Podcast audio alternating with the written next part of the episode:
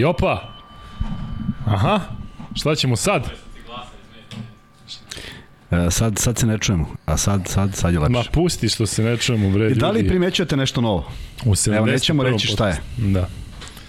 I odmah nam pišite kako vam se sviđaju majice. Čuče ekstra, materijal je full.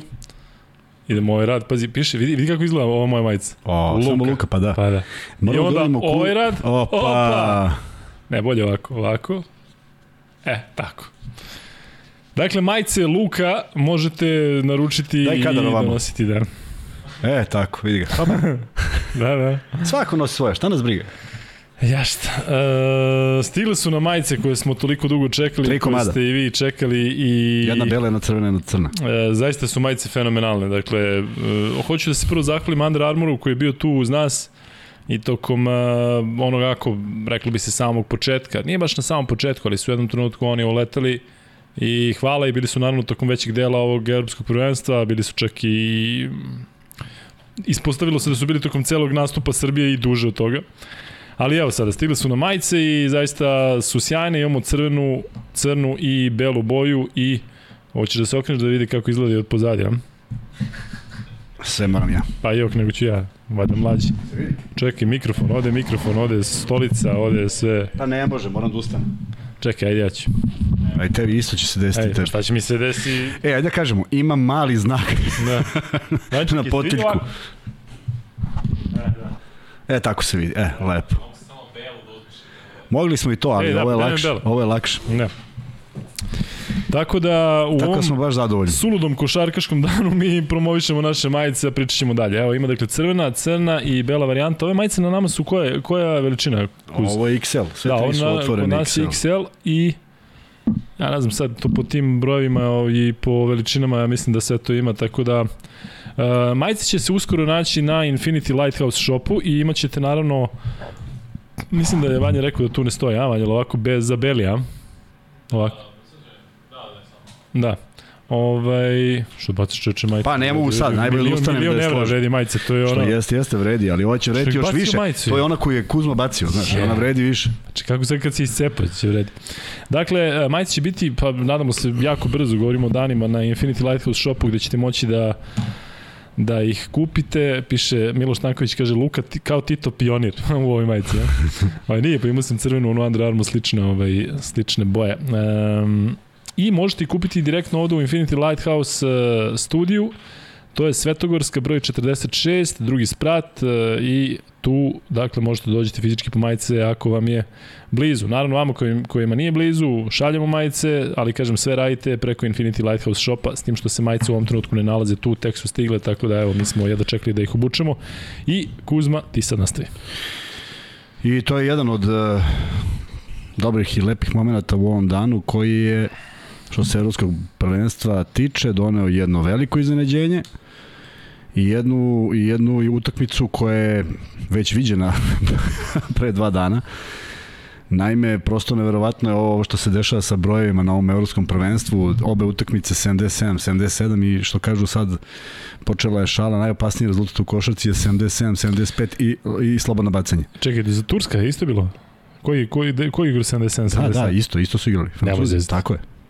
I isto na 77, 75 imaju slobodno bacanje protivnici. Bila je serija brojeva, mislim da je Kiefer Sutherland e, glumio. A to da kažem, gotovo, i onda znaš da je bio smak sveta dan Da, kasnije. da, da. Tako da nas očekuje nešto uskoro, ali mi smo proslavili ovaj dan Da. ovim majicama koje su zaista ne ovaj što su što su nismo ništa tu nešto preterano radili nego mislim da su da je dobar pamuk, da je odličan pamuk, da se zahvalimo Medoniju koji ih je napravio i to dosta brzo s obzirom da smo mi upali u onaj letnji period i da se zahvalimo Infinity Lighthouse-u koji će to držati na svojoj prodavnici, u stvari našem partneru i ovaj našim našim našim domaćinima. Tako da uskoro će biti, a možemo da pričamo malo o svemu ovome što se dešava, s tim što bi ja krenuo od ove druge utakmice pošto Ajde, je sve. krenut ćemo samo momena da se zahvalimo i ovom momku koji je napravio ovaj fantastičan logo koji Kako da ne, Ivanu Todoroviću, Dakle, naravno. imate Infinity Lighthouse studio ovde, imate Luka i Kuzma Nemaš tamo ovde. ovde, imate MaxBet ako vam to zatreba. U svakom slučaju, e, mi smo zaista srećni zbog majici, Majica. Zvaćemo majice. Zvaćemo majice. Ali, e, zaista, možete da se raspitujete, vidim da Kuzma kaže da na Instagramu svi pitaju, mene svi pitaju i o veličinama i o bojama i o svemu. Ovo je za sada, ajde da kažem, jedini kroj majici. Nastavi se. Majica, majica. Pa ćeš da vidiš poruku. Ali, ovaj, um, E, stvarno je dobro, do, dobro čuči, dobro izgleda, može svako da nosi. Pa krenuli smo s ovim, vidjet ćemo kuda će nas to odvesti, da. 50 po, 3 puta po 50 i e, da se zahvalimo Ireni koja je uzela na sebe da napravi i veličine, s obzirom da, da ne znamo kakva će biti potražnja, tako da veličina da, manje Irena je ovde iz uh, studija neko ko Jest. obavlja mnogo stvari. Jeste, i manje više treba. ona se potrudila da ima svih veličina, tako da, a kasnije ćemo vidjeti šta je to što se, ako baš bude bilo neko ludilo, Ma, ovo će da bude za dva dana. Koje su to, maj, koje su to veličine koje se najviše traže. U svakom da. slučaju, ajde da se vratimo na nešto što se desilo danas, evo pred 15 minuta, jedno veliko iznenađenje, ali bih krenuo o tom iznenađenju s početka utakmice koja je izgledala potpuno drugačije, potpuno drugačije izdanje Poljske u odnosu na sve što smo gledali i jedna majestralna partija u prvom polovremenu, neverovatnih 58 poena koliko god da sam da sam da, da volim tako neka iznenađenja, ovo je baš bilo veliko iznenađenje, jedna sigurna igra. I onda verovatno najlošija četvrtina na ovom evropskom prvenstvu, bar ono što sam ja gledao. Imao je Britanac jedno da je dao dva pa, poena. nisam gledao, da, ali nešto je dao dva poena, nego ta neverovatna bezidejnost Poljaka u momentu kada vode 19 razlike, kada Slovenija traži bilo kakav E, bilo kakvu šansu za dalje, apsolutno onih 10 šutnutih trojki za redom su apsolutno vrhunac ludila o, da li moguće da je ekipa odigra onako prvo polovreme i da onda u treći... Ja, ja nemam objašnjenje. I sada sa, sa svim ovim što je Poljska prošla, što je Slovenija ispala, što smo mi ispali korak ranije, meni je drago što nismo ni, ni približno takvu četvrtinu, što smo igrali košarku u svim četvrtinama koje smo igrali. Ovo, ovo nije bila košarka. Ovo kad bi ja sad Uh, moj sin napunio 7 godina, ja kažem sad će tata ti pokaže šta je košarka i da je ugledao baš tu treću četvrtinu, nikad se ne bavio košarkom, rekao bi da ne razume šta se dešava i otišao bi na futbol. Uh, ne, šta, ne, šta treniraju sini? Mm? Šta trenira sin mlađi? Ode na futbol. Pa futbol, sam mu pokazivao. Pa, jes, ovo sam mu pokazuje i otišao da. spa. Nije, nije mu bilo dobro. U svakom slučaju, neverovatno je šta se dešavalo u toj četvrtoj četvrtini u trećoj četvrtini i e, da neko da šest poena, od toga četiri slobodnih bacanja, a igra tako sigurno. To znači da nije proizvod nekog možda, ja, e, u jednom sam trenutku razmišljao da li je prvo polovreme iznenađenje i, i nereal, nerealnost jedna ili je to ova ova treća četvrtina. Međutim četvrta je donela ono što košarka može da donese jednu veliku, veliku borbu, mnogo grešaka, mnogo, mnogo prodatih lopti, mnogo napada koje sad, e, kada pričamo o a mnogo sam poruka dobio za small ball, čak me neki pitaju da, da li znam šta to znači, što je u redu. Mala lopta. Prava, da, da kad imaš malo i tako je.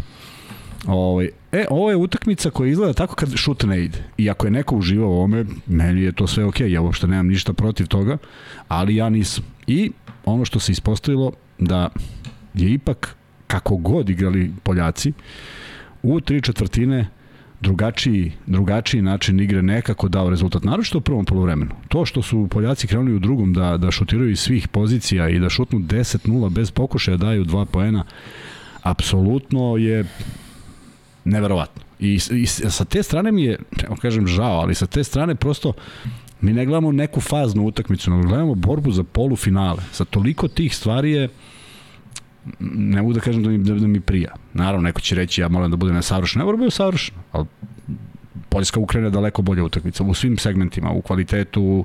Ovo je bilo nešto što je što niko nije znao kakav će ishod da bude. I kad su se Slovenci vratili, već je mirisalo na kako ne mirisalo. Potpuni potop, potpuni potop Poljske posle fantastičnog poluvremena, međutim onda i neke neke neke odluke i neki pogrešni potezi igrača Slovenije i ispostavit će se jednom od najključnijih momenta na ovom prvenstvu, ne, ne nešto što, što sam ja najavio pa sam srećan što se desilo, nego naprotiv, toliko je već bilo preterano da sudija je jednostavno rešio da okonča tu komunikaciju verbalnu, neverbalnu, pogledi, gestikulacije i Luka Dončić je dobio tehničku grešku. Ali dobio je tehni, tehničku za najmanje što je radio na najmanje, tako je, tako je, samo, korec. tako je, samo u momentu. Sa osmehom. Tako je, Čovjek samo... psuje majku svim sudijama od početka. Apsolutno.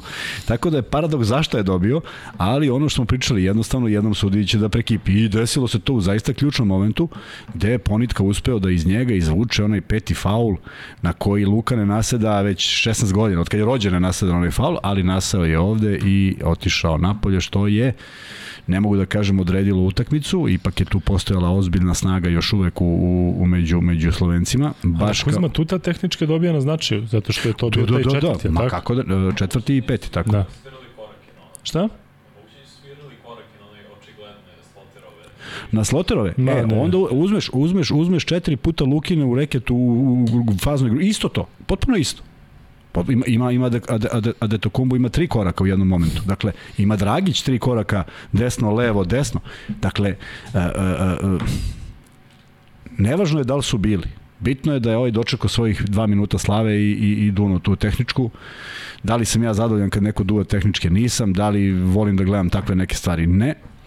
E, žao mi je što još jedan izuzetan igrač odlazi sa evropskog prvenstva. Nisam neko ko sad kaže sam ja rekao da kako se igra i kako ne može da se da rezultat daleko od toga. Ovo je Slovenija mogla da, da pobedi i da padne cela priča u vodu, ali prosto videlo se da bez, bez njega nema, nema, nema mogućnosti da po to bi potpuno izolovan uhvatio neku loptu gde se Poljaci nisu setili čak ni faul da naprave, pa su napravili onu završnicu još na izvesnijom od moguće, možda imali i sreće, možda imali sve, ali su imali jednu veliku želju. Dakle, to je ono, to je ono što, što čitam dva dana, što mi nismo pokazali, što mi je jako krivo. Za koga govoriš za? Za nas. Ne, ne za meni, ko ima veliku želju? Poljaci. A, Poljaci. Poljaci, da, da. Slovenci, da, da, svi su, to, to, to je bilo apsolutno, videli smo Špance, videli smo Rudija kako skače na glavačke.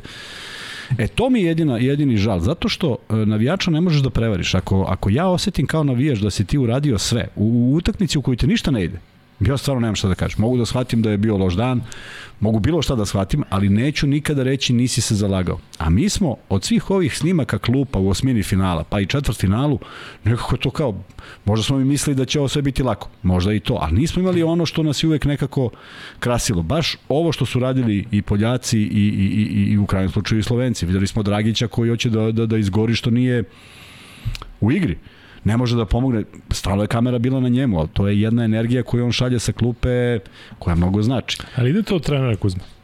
Ide, ide, Zato što naravno, trener, naravno, naš trener naravno. bio statičan i onda je glupo yes, da sad ovaj iza yes, njega, ovo, a vidio da. si trener uh, Slovenije od ide, početka ide, i vrši ide. pritisak tako na sudije i zaleće se i priča. Ej, potpuno me fascinirao, jel beše, kako se zove?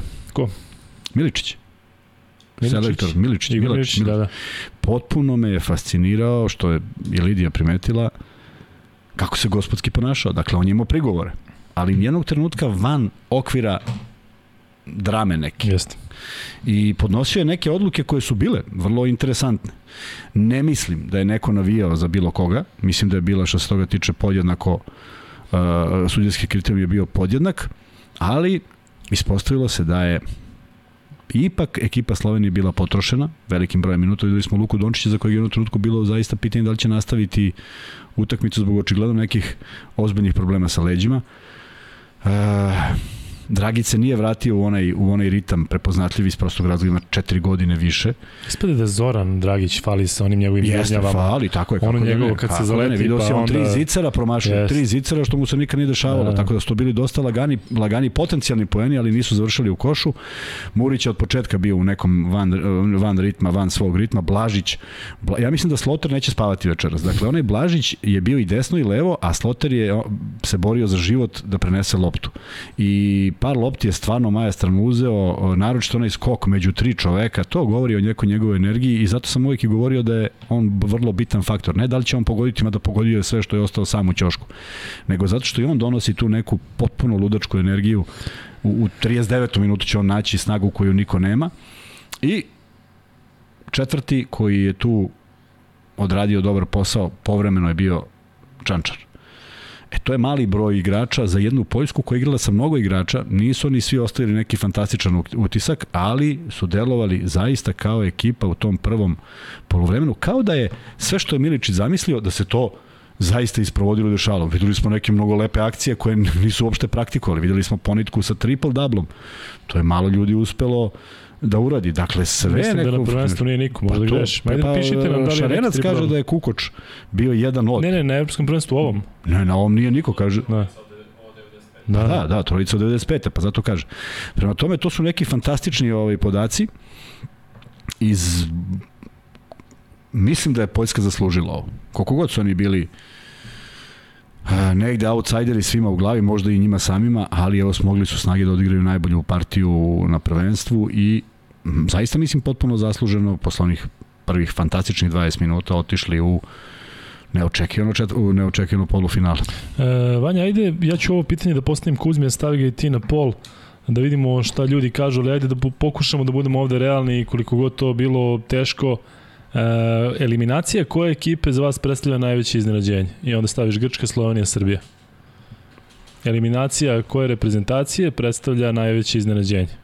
A, Kuzma, mi kad smo ispali od Italije, mislili smo to je kraj sveta, pa je onda Grčka ispala od Nemačke, što ne možemo da kažemo da je sada neko prvorazno iznenađenje, ali delo da ipak ovo nešto što zaista niko nije mogao. Pa mi smo juče ovde na polu imali ja mislim 90% ili kada smo već ovaj pravili oni tiket. E, jesmo, sve stoji, ali, ali Kaže ti ovde doktor 28 da si ti bio bolji igrač od Ponitke. hvala doktore.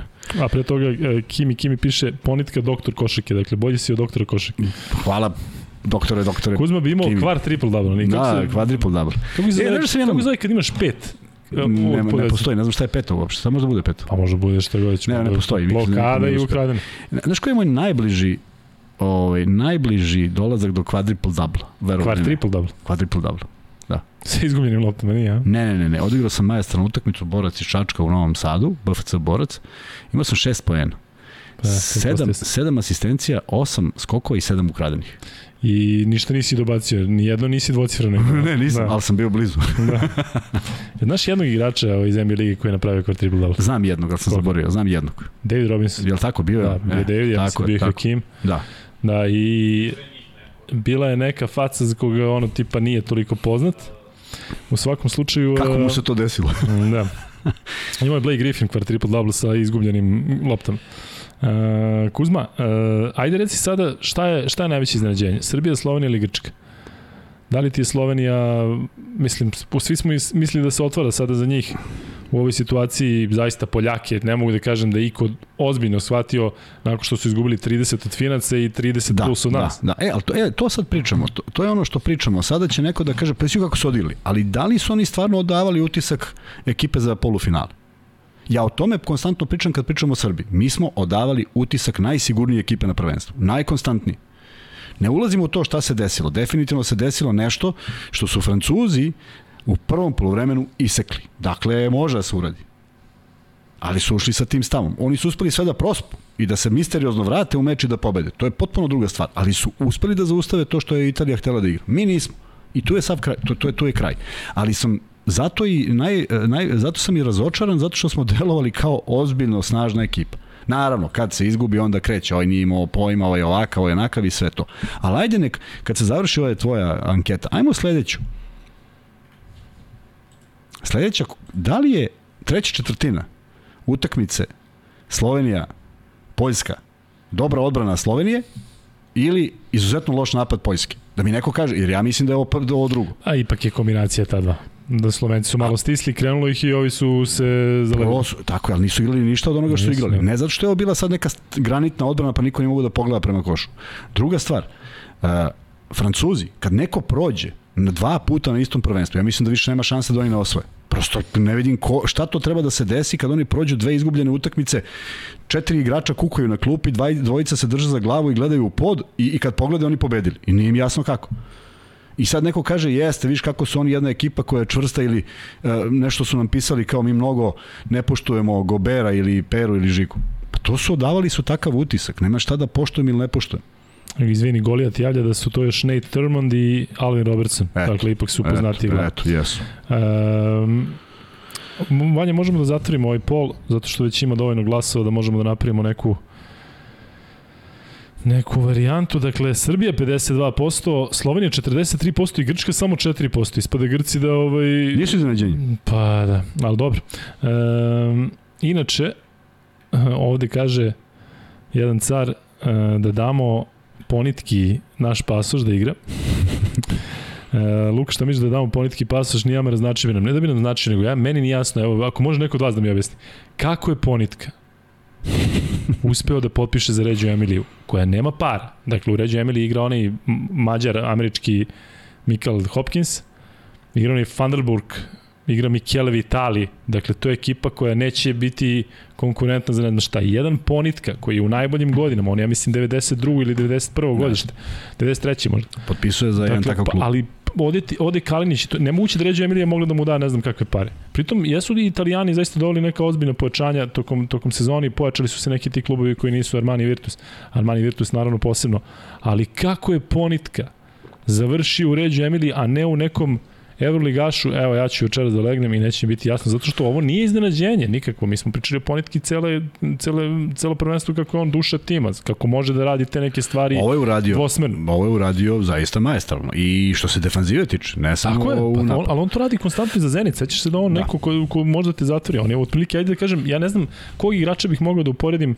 sa Kalinićem uh, u, u Euroligi, a da meni ponitka prvi pada na pamet.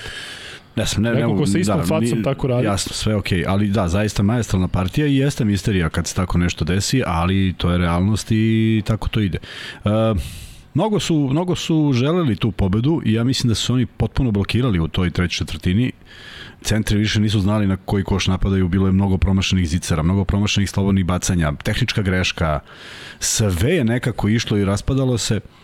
Uh, zaista se slažem da je bila vrlo uzbudljiva i neizvesna utakmica. Ali ima neki stvari koje su mogle da budu sigurno bolje, da nije došlo do jednog ipak i zamora materijala i jedne, jednog manjeg broja igrača raspoloživih u, na klupi Slovenije. Realno pogotovo kad nema Dragića, koliko god se on nekome dopada ili ne dopada, on je radio ozbiljno težak posao i u odbrani i kad se stušti na koš ne izgleda lepo, ali prilično, prilično efektno. To jest efikasno, efektno nije, efikasno je. Pa dobro, efektno, pa neka zna da bude efektno. Ne, bar redko, jako redko. Ali ovaj, to je to je uticalo na ovu utakmicu i jeste ovo najveći, za mene je ovo najveće iznenađenje.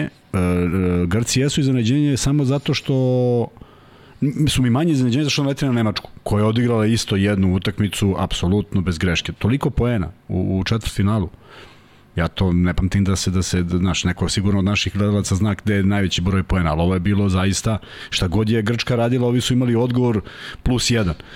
Prema tome, fantastična fokusiranost na utakmicu, zatvoren, kad kažem zatvoren, dao je on svoju porciju, ali videli smo jedno drugo lice Adetokumba sa tim isključenjem, videli smo jedno drugo lice Šredera, videli smo danas lice Dončića koji nije završio utakmicu, to su sve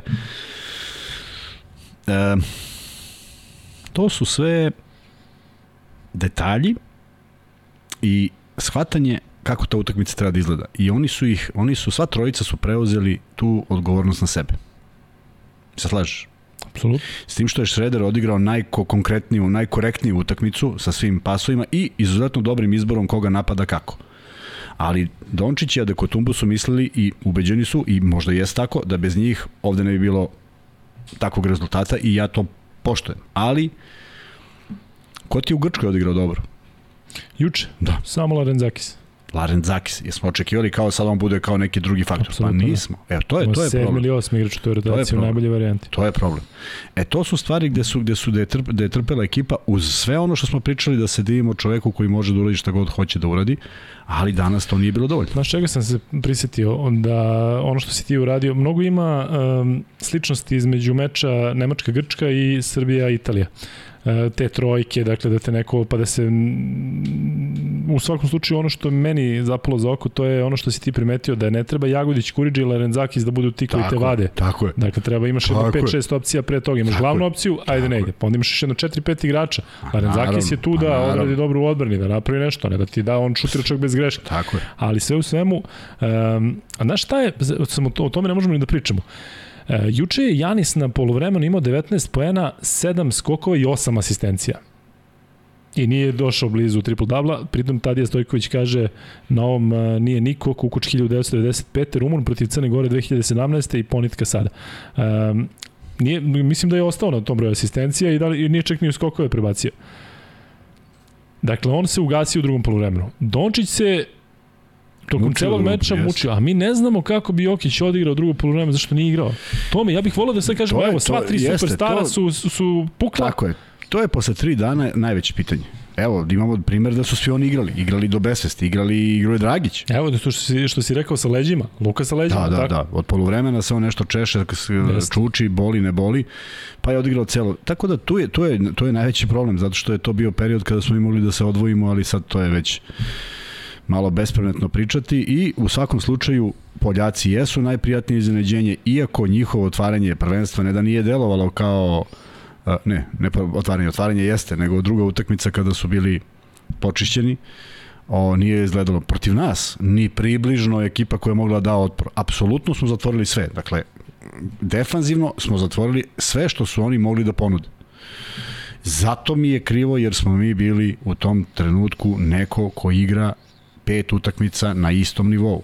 I je bio je neki pad u toj trećoj četvrtini. Međutim, ajde da se vratimo na, na, na prvu utakmicu, utakmicu između Italije u jednom fantastičnom naboju, između Francuske koja se spasla jednom, pa ako vele, ajde da vidimo šta će da se desi, ali očigledno dobro pripremljene Francuske. Jer to što su igrali prvo polovreme je vrlo slično Poljacima. Sasvim korektna odbrana, sve su zaustavili što su Da, mogli. 31 poen su primili. Tako je. I to je sasvim dovoljno da ti odeš, ne možeš da vodiš 50 razlike, prosto igraš korak po korak, ali su oni delovali jako samouvereno, do jednog momenta. Međutim, jesi obratio pažnju koliko su puta spisua pustili na prolaz? Svesno. Jeste nam dao neke pojene, jeste dao neke pojene jako teško, jeste iznudio neke faulove, ali imaju neke bombe.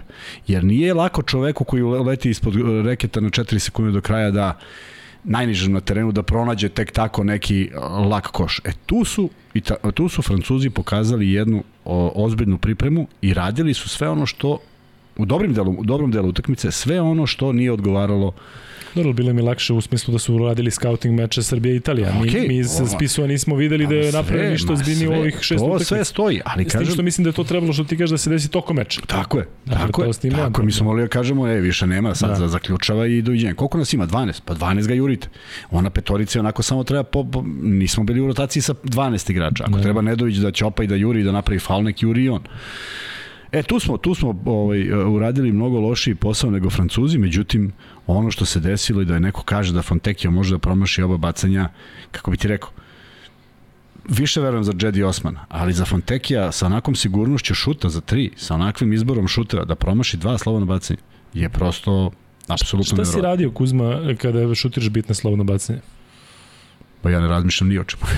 ne znam, nisam šutirao baš ovako bitna bacanja. Pa dobro, ali u nekim trenucima si mora da šutneš još nekako yes, odlučio. jesam, šutirao sam i ta neka koja sam šutnuo sam dao. Uglavnom sam dao. Šta Jedno se sam meni dešavalo? Na koleđu, recimo, e, jedan burazer me je naučio kaže, mislim, mu naučio, kaže, lej samo kad je frka, i što kada se dešava, gledaj samo u drugi obruč. Iz nekog razloga pikir je drugi obruč. I onda se, valjda se koncentrišem na to i stvarno, znaš, Je. imaš neki fokus, dakle, ne šta se dešava. E, ne znam, šta ali je vrlo interesantno. Ja sam razmišljao kad sam gledao nekoga pre neki dan na slobodnim bacanjima, on dobija loptu od sudije i što kažeš, on fokusira obruč. I ne gleda uopšte kako tapka. Ja uopšte nisam tako izvodio slobodno bacanje. Ja sam gledao lepo da, da je tapkam kako mi lopta legne u ruku, namestim da mi je srednji prst na uh, ovom na žljebu i osetim loptu onako kako mi stoji i Da, ali on mi je rekao, ne menjaš tehniku, sve radiš kako Sve, sve, stoji, ali- ali gledaš u trenutku kad treba nisam gledaš, nikad gledao baš ga nešto Da, nisam nikad gledao obruč Baš sam podizao sam glavu i šutirao. Da. Ne veze, to je bilo tako kako god. Bila su vrlo bitna bacanja koja sam pogodio, sećam se i nekih koja nisam.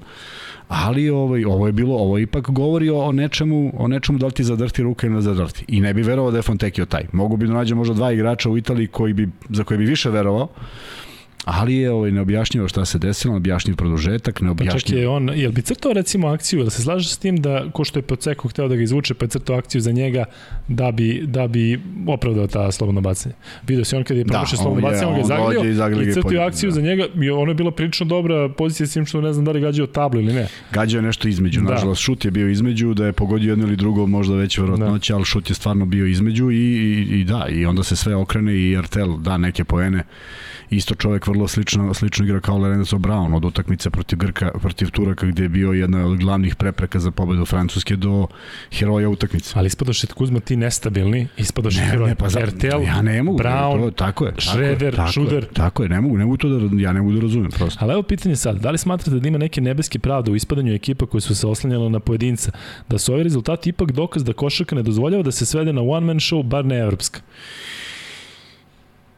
Ja se slažem s tim i uopšte nisam radosan zbog toga. Ja, da neko ne pomisli, uh, zagovaram timsku, pa mi ovo ne, ne prija. Ne, ja sam želeo da vidim najbolje igrače naše naše i da vidimo sve te svetske igrače, evropske igrače u završnici. Međutim, nismo, iz prostog razloga što je, na primjer, ta Francuska demantovala da, da, da centri ne mogu da urade nešto bez obzira. Mi govorimo o Goberu koji je izuzetno pokretljiv, ali mnogo je pomogao Francuskoj. Mnogo je tih lopti vratio u koš koje niko nije mogao da vrati. Dakle, imali su ozbiljenu ulogu u, u svojoj ekipi. A e, ono što smo gledali juče mi je delovalo kao da više centar nema nikakvu, nikakav značaj na terenu, što, što ne želim da prihvatim. Jeste, menja se, ubrzala igra, ali i dalje da nije bilo Gobera. Ma može Artel da još sedam trojki. Ovaj čovjek je stvarno uradio, Jeste. čak i kad je dao dva slobodna bacanja. Pa ko je verovao da Gober dva slobodna Ono bacanja? prvo ušlo čistije Pa nego jedan šut na... Tako da, eto, kad si ga spomenuo sa onom frizurom, rešio da te demantuje i ide do kraja. Da, ali e, ti Francuzi su na isti način dobili i Tursku i sada Italiju. Ne, nisu oni dobili. Oni, oni, ovo, a ovo ja ne mogu da zovem da su oni pobedili ovu utakmicu gde se dva puta su na, po, na, na, na ivici ponora. Pa baš zato kažem, nije I me demanto, dva on je trebalo puta čovjek već, uveliko Tako da bude na putu za. Minnesota. Tako Tako da je. gleda, I znači sad- koja je najbolja veza za Minnesota, da li preko I Pariza ti sad ili... gledaš njih u polufinalu. I I onda to neko, protiv Poljske. Tako je. I onda neko kad priča, kad mi krenemo da pričamo, šta smo nas dvojica pričali kao su favoriti? Pa zato što smo gledali šta smo gledali. Nismo mi pričali zašto nekoga volimo, nego zato što su ostavljali takav utisak. A Francuzi ga nisu ostavili. I dva puta da neko preživi. Ja ti kažem, njih niko više ne zaustavlja. Ali šta nam, šta nam e, sada ovo govori? Sve ovo što smo ili sva ova iznenađenja, sve neizvesne utakmice, nam to govori da je e, evropska košarka neizvesna, izjednačena ili šta? Ona jeste izjednačena jer više nema, nema stila igre. Zato je meni bilo opet drago što smo imali jedinstven način igre. I niko, nas, niko nije igrao kao mi. Na taj način niko nije igrao. Svi su igrali bržu košarku od nas. Brža može da bude i lošija, ne mora brža da bude bolja, kao što je danas bila loša. I jedni i drugi. Što brže, to blesavije.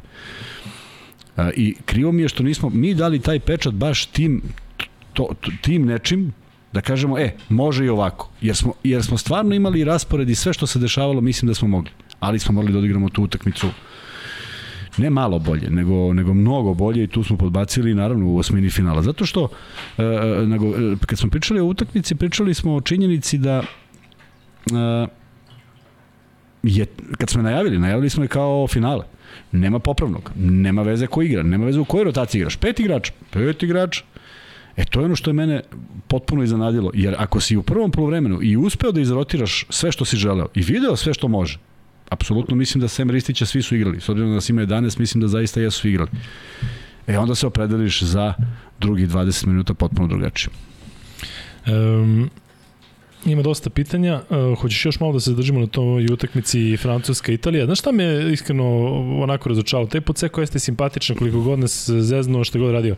Što Burazeru nisi sad ispao šmeke, nego tamo ideš pa praviš probleme sa sudijama, pa ne grliš sve članove ovog tima Francuske, nego samo Foarestar, što se nisi pozdravio, što nisi bio tako srdačan i u porazu, nego si sad odjednom besan, sad Vidi. odjednom pokrao sudija. Sad nije išao da juri ovog našeg sudiju da se Jest. pozdravi s njim. Ne, on je išao Da njega se- da juri, da bi mu nešto pričao, on je išao na bezobrazan način da juri Glišića. Jeste on pružio ruku. Dakle, on je išao nešto besno, nije, znaš, nije sad on kao došao kod njega pa kao da se objašnjava Aha, sa njim. On je, ima, imaš facu crvenog, besnog čoveka koji je išao tamo, znaš, ne, i što ga nije zagrlio onda. Nego je išao sad on nešto da mu se, da mu se, da mu se A to ti je znak, ono, nije to veliki čovjek, to kad ide super, onda A, može pa sa o svim... tome pričam, Jesi, o tome si. pričam. Dakle, on ovako deluje kao jedan super simpatičan, emotivni uh, tip, a onda sad kada, kada se izgubio, i to se izgubio dobijen meč, sad si odjednom o nešto neki namrgođeni tip, pa plači i sada, nema veze, do duše jeste plakao, ali sve, sve u svemu taj podseko mi je nekako ostavio utisak uh, onako nekog um, ne mogu da kažem foliranta, zato što opet pričam, dakle on, Kuzma, jeste zaista takav bio i kada je igrao i bio je kada je vodio samostalno ekipu. okej, tako. Ali on cele prošle sezone, gledali smo Euroligu, jesi video neku njegovu reakciju dok Ne. je pomoćnik je Tore Masini? Da. Šta, kako si si ti uspio da se iskontrolišeš u trenutku kada si pomoćni trener, jeste onako malo više. On kada je bio u C9, on se nije bacakao po terenu, dakle ti si u stanju da iskontrolišeš te neke stvari i da izgleda kao da izleće iz tebe. Tako da sve u svemu, Jeste, ali ja sam svoj stav rekao juče. Ajde Banja stavi baš na pol da vidim da li da napišu da li mislite da je pod ceko folirant. Baš da imamo. Da vidimo što hoćemo. Da stavio stavio sam. da je, da je, da je ono Ja sam svoj stav rekao juče i ne menjam ga. da priča što je- srpski, izvini, ne priča. Hvala. Priča nešto. E, pod seko. Priča nešto. Da li mislite da je pod seko folirant? Eto. Ne znam što znači folirant. folirant, da, da. A mi prenosimo good, good. da. Ovaj, Juče si rekao šta? Juče sam imao svoj stav, meni to nije bilo simpatično, ne volim da košarka bude cirkus, ona već jeste na neki način mnogo drugačija uh, i, i mnoge ljude to zabavlja i meni je to drago, ali u tom cirkusu ima jedna stvar koja koji bi voleo da nam ispriča neko od aktuelnih igrača, ali baš ono neko ko je u žiži interesovanja, zato što Jesi primetio koliko te igrače prate kamere gde god da su? Maltene od slačionice.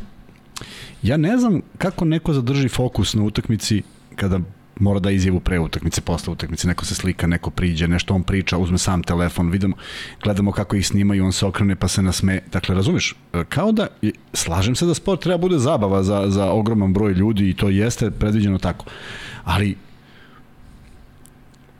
nekako, nekako mi deluje da ima mnogo toga. Mnogo toga da bi ti bio fokusiran u nekim stvarima koje ti je trener rekao, koje nije lako zapamtiti.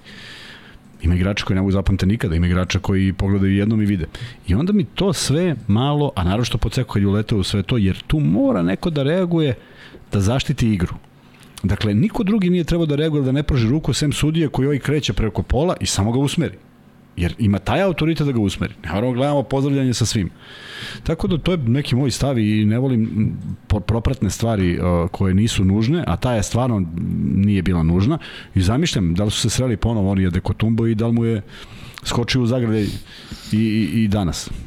Bilo bi dobro da recimo da je to kumbo onako skoči njemu iz Zagreba. Pa to da, da, da mu se revanšira da skoči pa njemu da na glavu. ovaj završi... Malo sve to, je, to, e, to je lepo za medije, to ima 4 milijarde miliona pregleda, to svi pokažu i sve to. A na primjer, meni je mnogo fascinantnije za, šta je za te neke e, rubrike, je ono Jokić što je uradio što je zviznuo semafor, pa lopta ušla u koš. Nije, Jer on to stvarno videli. pogodio. Mi to nismo videli. A danas recimo jedan detalj koji se više nikad nije video, mislim da su ga možda prikazali jednom iz nekog ugla uh, loše, kada Polonara šutira nogom Gobera u dole.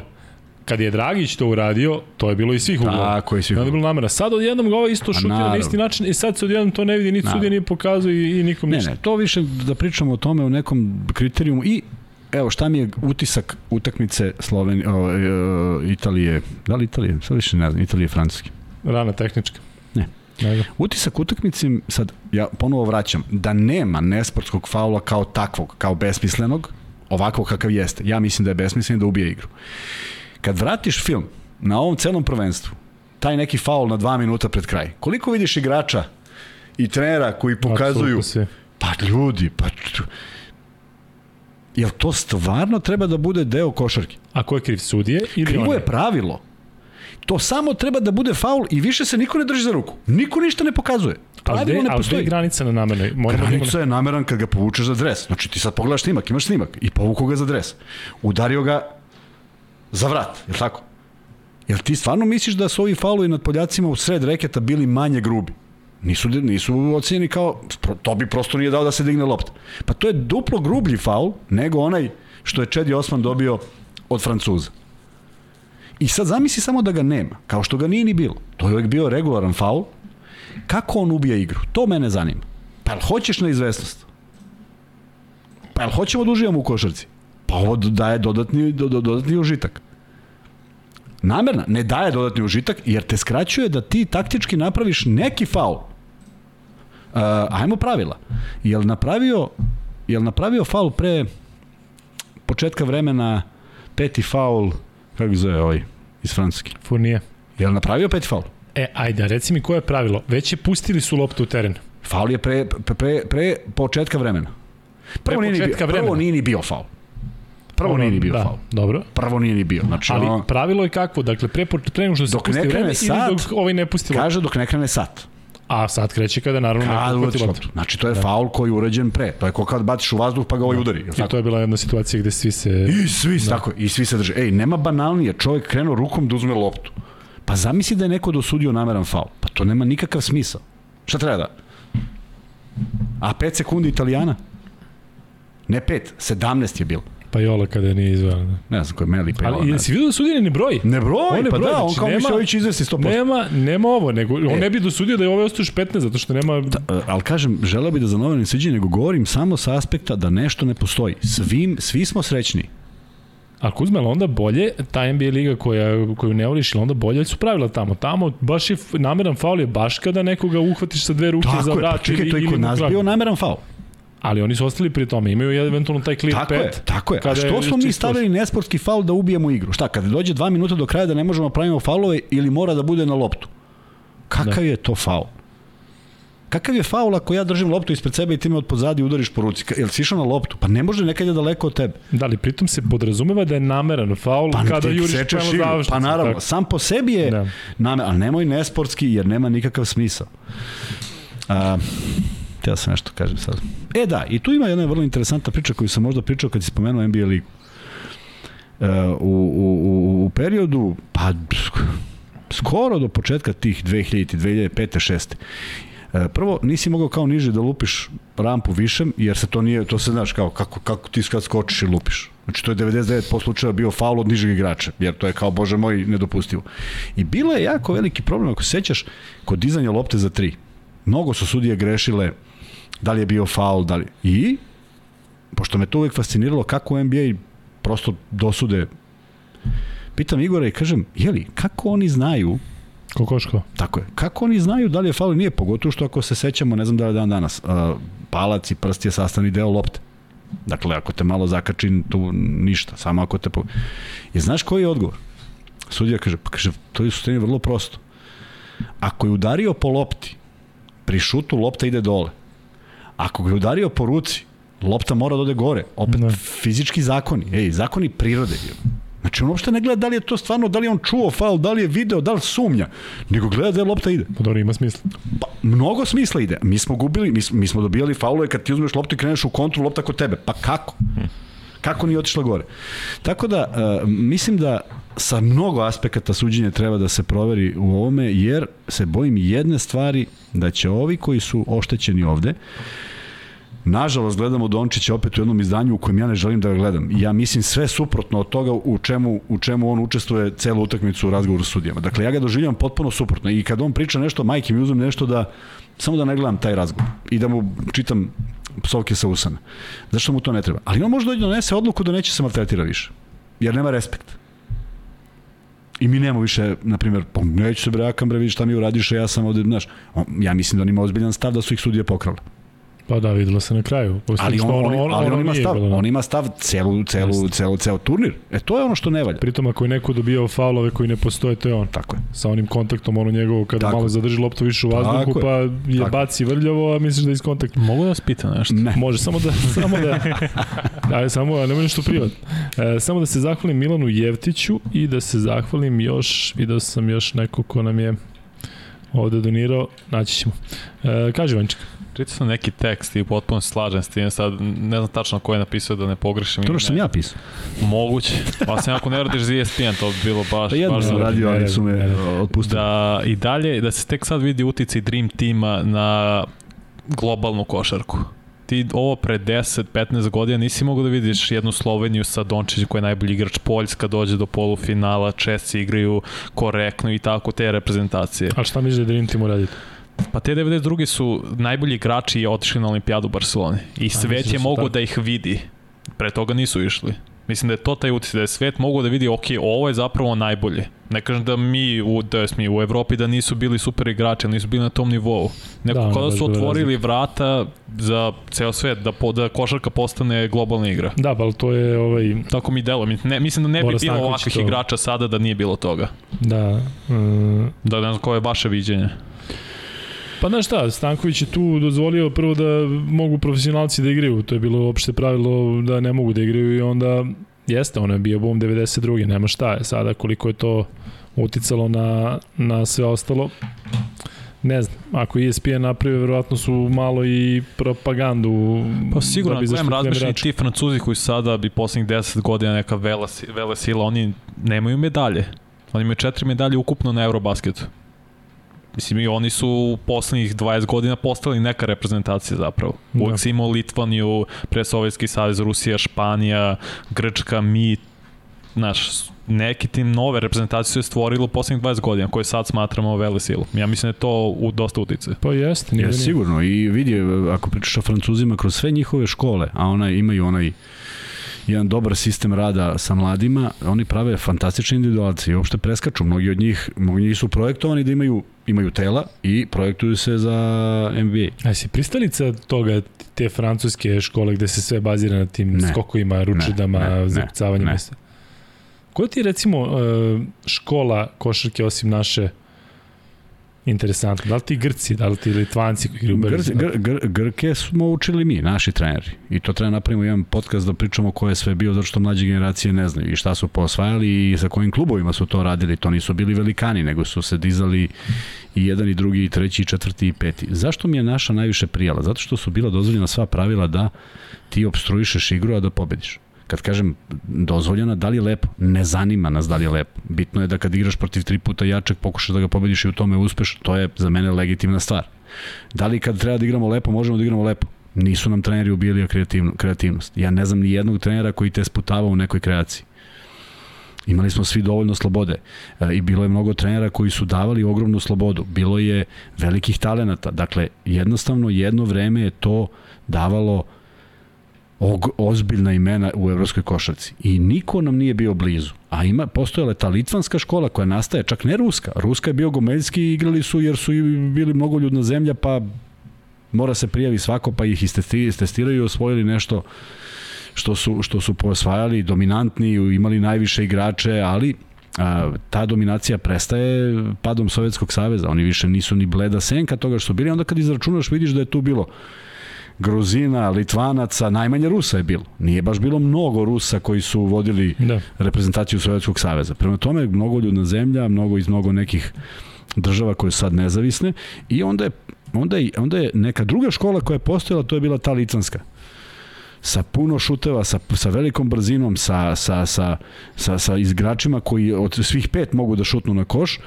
i za neku treću koja, mi je, koja je imala neku tradiciju, iskreno kažem ne znam, mislim da su svi pravili kako im dođe, pravili su ovaj, prilagođavanje i igrali tako kako su igrali. Ali Francuzi, ovo što kaže Vanja, nisu oni postojani na toj mapi mnogo godina. Pre, pre, pre njih mnogo su bili italijani i 70-ih i 80-ih imali fantastične igrače i taj Dino Menegin je bio neverovatan igrač svog vremena, pa si trebamo nađeš nekoga ko možda mu parira, pa je bio onaj Tkačenko, pa ti mora nađeš nekog Rajka Žižića koji, koji je brži, mlađi i sve, pa, pa uspeš da pariraš tim nekim momentima koji su u košarku obeležili. Ali Francuzi idu na e, fizikalije. Dakle, njihova druga liga, kažu da to ne možeš da uvatiš pogledom. I pritom ja mislim da nema mnogo, mnogo drugih evropljana e, koji igraju u toj ligi. Jako je teško, jer je sve na oruk. A nisu potkovani e, u teoriji. Mi smo gledali Francusko na ovom prvenstvu kao najbedniji napad na zonu. Znači, ili je nikad nisu probali. Nikad. To je nemoguće. Nemoguće ne znaš najosnovnija pravila. Tako da, bazira se na tome, skočnost, gledamo kako Asvel igra kroz Euroligu. Pa to su svi na skoku. Naravno ima tu igrača koji mogu da kreiraju, ali nisu svi. I nisu plasirani tako da bi ta, a, taj atleticizam doneo baš rezultat A kad su klinci. Asfala bili ovde u Beogradu, sve isto. Dakle, klinci Pa, od pa sigurno. 17 Pa da. 18 godina i svi apsolutno isto. Tako. Zaleće, zaleći se na skok. Tako je, tako I svi igramo tako isto i sad ako ima jedan koji se izdeva možda da češće njemu damo loptu, Tako. ali jel to daje rezultat? Meni ne se čini da to ne da daje rezultat. Zašto da nemam ne. primer da je neko ko je tako igra napravio ne znam šta. Mislim da ne, ali kaže, to je ovaj njihova... Drugar, kaže, često vole da bace na koš, da promaše samo da bi skakali. Samo da iskočili. Da. Nikola Jovanović, hvala puno. Johnny, ti si legenda, m, to sa nama si od početka i imaš fantastične ideje i u svemu si učestvovao i nismo još stavili onaj tvoj prevod. Milan Jevtić je ponovo donirao, a Dušan Cvetanović iz Hrvatske je donirao i to prilično i Dušane, hvala ti puno. Dobili smo u hrvatskim kunama jednu donaciju, mislim da nam je ovo tek druga ili treća. Hvala. Dušane. Um, Vanja, možda zatvoriš ovaj pol oko podseka, baš me zanima kakav je odnos. Nemoj da mi kažeš, hoću da vidim ovde. Da li ljudi misle da je podseko folirant? Šta kažu? Ja da čekam da vidim samo, kaže, čekam još. kaže Salin RTL dobija angažman danas. 64% da jeste. Pa da. Mislim da će biti više. Znaš. Um, imaš ovde ljudi koji pišu Luka je lju, Ljiga, Luka je ovakav, Luka je onakav, mislim Luku Dončića, znaš što sve izlazi Luka, Luka, Luka Pa negativno, ali dobro, da. E, ali vidiš šta mi Salim šalje, izvini sad što sam te, baš kod Luke kad si. Da. Ne znam šta bih rekao sudijama, uvek ću igrati za Sloveniju kada god mogu i ako sam zdrav. Ne znam šta da kažem, nisam bio na 100%. Dobio sam injekciju na polovremenu, ali to nije razlog zašto sam odigrao loše. Slušajte do, razočarao sam ekipu i celu naciju. Evo, pišu ovde i kako komentarišete to što je preuzeo E, odgovornost. su, pa da, ali to nije normalno niti treba, ali on, on, on sebe ubacuje u tu priču. Šta misliš da je loše? To što je uradio? Ili, ili je super Mislim da je- nije potrebno. E bre, pa nije ovo, nije, ja razumem kad Novak Đoković kaže hteo sam da osvojim medalju na olimpijadi pa sam razočarao jer, sam, jer nisam, jer je jedan. Mi tražimo ovde od naših da preuzme odgovornost, a sad... Ne tražim ni od jednog igrača, ne tražim da iđe Ne, od neki i kaže. igrača, pa Ja od dobro, igrača, to neko, pričam. Neko. Pa on, on ne može on da razočara, može samo ekipa ili, ili ne može drugačije. Tako bi trebalo da bude postavljeno. Trebalo Jokić da iziđe i kaže i, i, ja sam on. odgovoran zato što sam igrao 28 Zamisli on, minuta. pa, Ja da, sam, ne, on kaže izvinite što sam razočarao da, naciju. da, da. Nisi ti. Tako nije ni Dončić, ej, pa nije sve da, hoću da kažem, prevelik zaloga je uzeo. Bez razloga.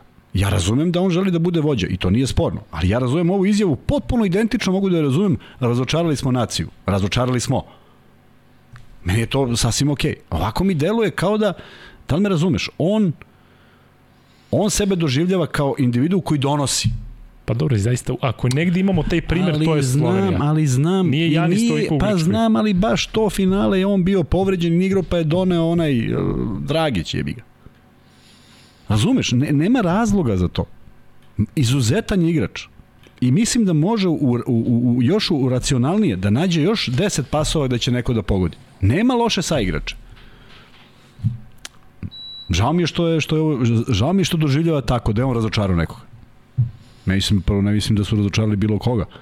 Ovi su bili bolji i snašli se bolje, ali Mm, kaže ovde, ništa od Lukine tetovaže, šteta, ali stvarno bi se tetovirao, znači nije stvar za zezanje.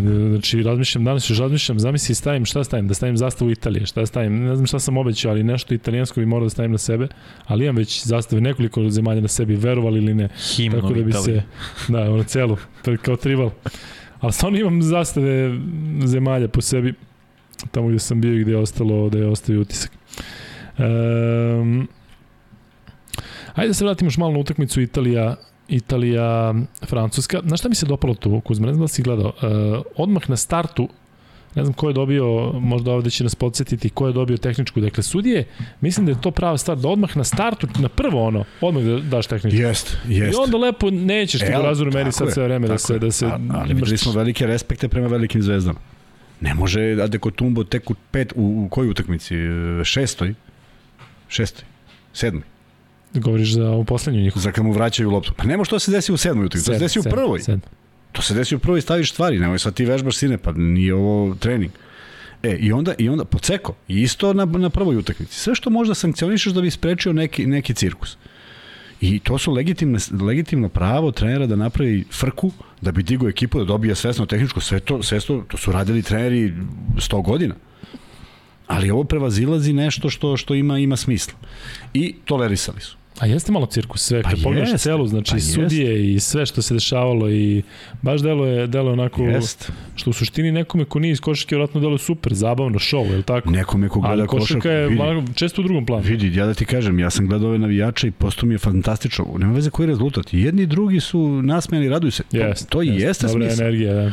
Ja na evropskom prvenstvu u Sloveniji kad sam bio, pa to je bilo zadovoljstvo kad ti vidiš utakmicu koja se završi, neko pobedio i svi se vesele napolju. Svima lepo.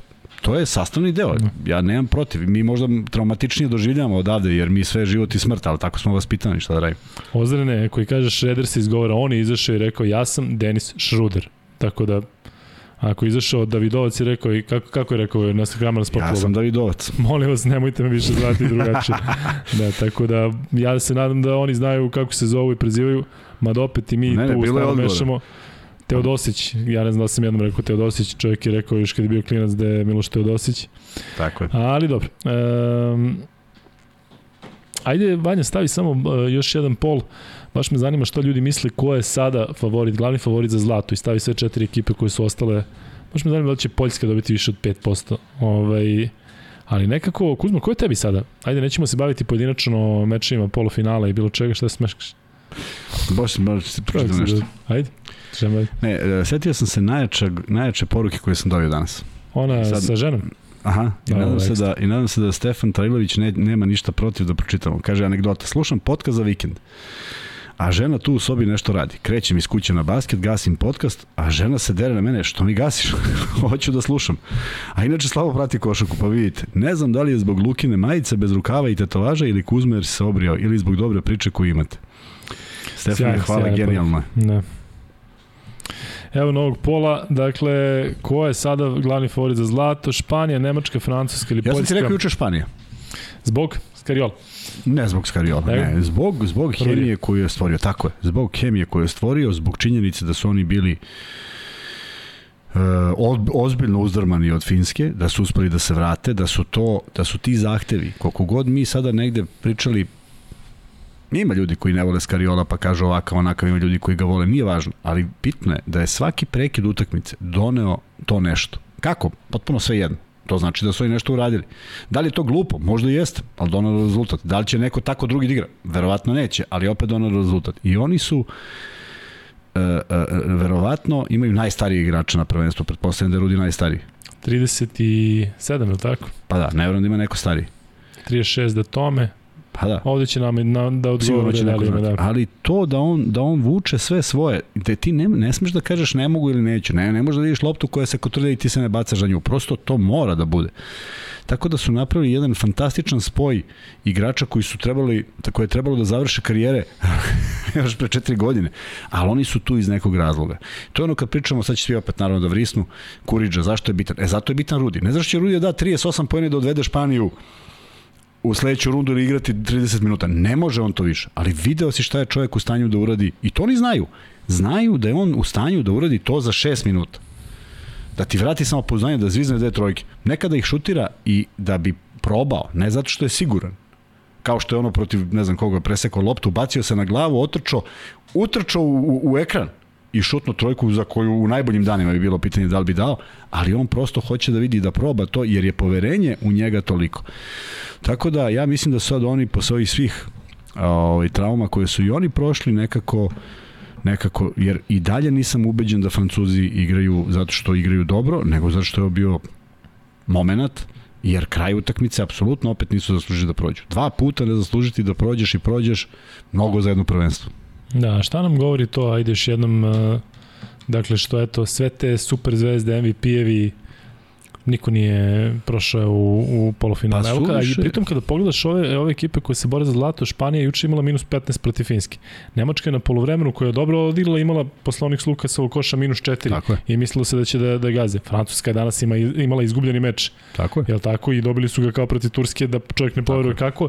I Poljska, sam si rekao, kad je povela Slovenija onom trojkom Blažića, Lažića i kada je delovalo, oni isto, ja mislim da ih nije nivalo.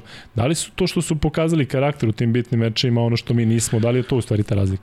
Mi ta nismo pokazali ta, karakter kada nam je prvi put su na pola krona izbili. Tako, ta, ta razlika, da, ta razlika je bila da niko nije odustajao.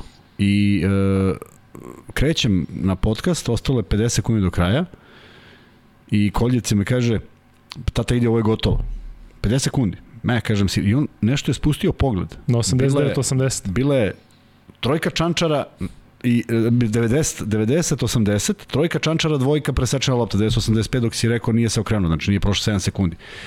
Želeli su nisu nisu se predavali. A nismo dopustili da uđemo u fazu kad moramo da kad, kad sad već moraš da trčiš. Nismo nismo u onom momentu kad smo videli da ovi idu napred sekli destrukciju, košarkašku, obstrukciju, kako god hoćeš zovi, da samo ne bude trojki, trojki, trojki, trojki. Ja sam siguran da uh, Daj Bože da grešim, zato što mi je lakše da mislim da grešim, ali siguran sam da Jokić bio na terenu. Da možda čak i ne bi bio onaj, on taj koji bi ovo, ali bi nekoga poslao, Nekoga, nekom bi nešto je, rekao, on se klupe ne može, šta će Tako onda maše sad možeš, ili uradi ne, ovo. naravno, Dakle, vidio se on, on i daje instrukcije, kao što je dao protiv Italije kad smo ih bili Kalina stavili dole. Ti uradi ovo, ej, vidio se da Vidović priča Da. nešto. Nažalost, veliki žal, zato što stvarno, bez preterivanja, nisam neko ko je euforičan, nisam neko ko nije sagledavao sve neke nedostatke koje smo imali u prethodnom periodu. Nije ni ovo bila naša najjača, ali u, kada, ovo su najbolji koje smo imali. Uvek, naravno, uz ogradu, da li je bilo zgodnije bek ili centar, to je na selektoru, ali sam se po prvi put osjećao nekako konforno dok sam ih gledao. Potpuno. Ni jednog trenutka nisam sumnjao da se zna šta radi. Nažalost, očigledno nije dovoljno i, i činjenica je da e, da stvarno možeš u 5 sekundi da izgubiš utakmicu. To je to je pokazalo ovo i meni meni je potpuno fascinantno da e, se ne pravi faul kada Slovenci kreću e, da onaj faul koji je zamišljen da koji je smetao ovome Da nije napravljeno ranije. Prepeliču, Prepeliču, ne bi bio napravljen faul. Onda nije šiknuo loptom i protrčao. Ne bi ovaj, Da, da, ovaj išao na faul, što je Jeste. apsolutno nemoguće. Tako da ima tu mnogo nekih stvari koje su interesantne. Da, a, Vanja, možemo da zatvorimo i ovaj pol Šta kažu? i onda možemo da pređemo na pitanje. Još jednom da vas podsjetimo da ćemo Ko je tvoj majice... favorit? Moj? Da. Pa moj u ovoj situaciji je Nemačka. Isto. Zbog domaćih terena. A isto, video si tamo šta su rekli. Hmm. Meni zbog Šrudera. Šreder se Šuder. kaže. Znaš da se raspravljaju o tome, evo, dobrih 10 minuta u četu. Jel? E, Jel ti kažem šta mi javlja. Samo ti kažem šta mi javlja Miroslav Dosavljević. Znači čovjek nas očigledno gleda. Izvini, Nemačka Aha. 53%, da li moguće da je toliko? Španija 23%, Kuzmina Španija, Francuska 15%, pazi koliko su ih, mislim, Pa pocenili. kako, pa kako kad su slučajno tamo? Poljska 7%, ajde kaži. To će bude iznenađenje. A slušaj, ovo je genijalno. Miroslav Dosavljević koji pokazuje da prati naše podcaste i naročito tvoje izlaganje. Pozdrav iz Osla. Bogerut se zove deo. da ne moraš, da ne moraš da pitaš. Genijalno. Da, kažem još jednom, ovo što kažu Šreder, zaista O sa umlautom jeste E, ali je čovek izašao i rekao, ja sam Denis Šruder. I onda je dao objašnjenje, zbog toga, toga i toga. Tako da, ovaj... Da me, jeste- da me ne zovete više. Kako ti zoveš, Kuzma? Ne zovem ga. Denis. Denis Napas. ne Nemam običaj da ga zovem. Mogu je da prvi free bet izbuci. Može samo da pohvalim Branka Brankovića. Slušaj ovo, kontejner? Italije je ispala. Luka je bio u pravu, Italije je kanta, slash usmrdali kontejner. Hvala, hvala. Dobro, konačno. Dobro. Ja, genijal. Šta Ajde, ste Vanja za free bet? Ajde, Ajde, vreme za prvi free bet. Vanja je verovatno nešto, Kada su Grci poslednji put uzeli zlato? pa prilično lako. a? Pa ne mora Na teško. evropskom A prvenstvu. Evropskom ostala prvenstvu. pita su, nam- pitanja su nam teška. Kada su poslednji put Grci uzeli zlato na evropskom prvenstvu, to je pitanje za prvi free bet, max beta. Znaš koje je bilo najteže pitanje? Ko su promoteri MNM-a? A možda tipa ono mogli su ostave ono glumca nekog, razum, a ovde se ne vidi ništa. I od tad Kuzma više ne postavlja Ne, free više betove, ne da. pada mi na pamet. Evo tu možda nešto iz BFC i to je to. E, da vidimo ko će dobiti prvi free bet. Prvi free bet 1997 nije, Sim. 2004 nije. Simke. Pa de, de ti Simke? Uh, ispod Ratko Pavlović. Aha, 2005, da, da, u Beogradu poslednji put.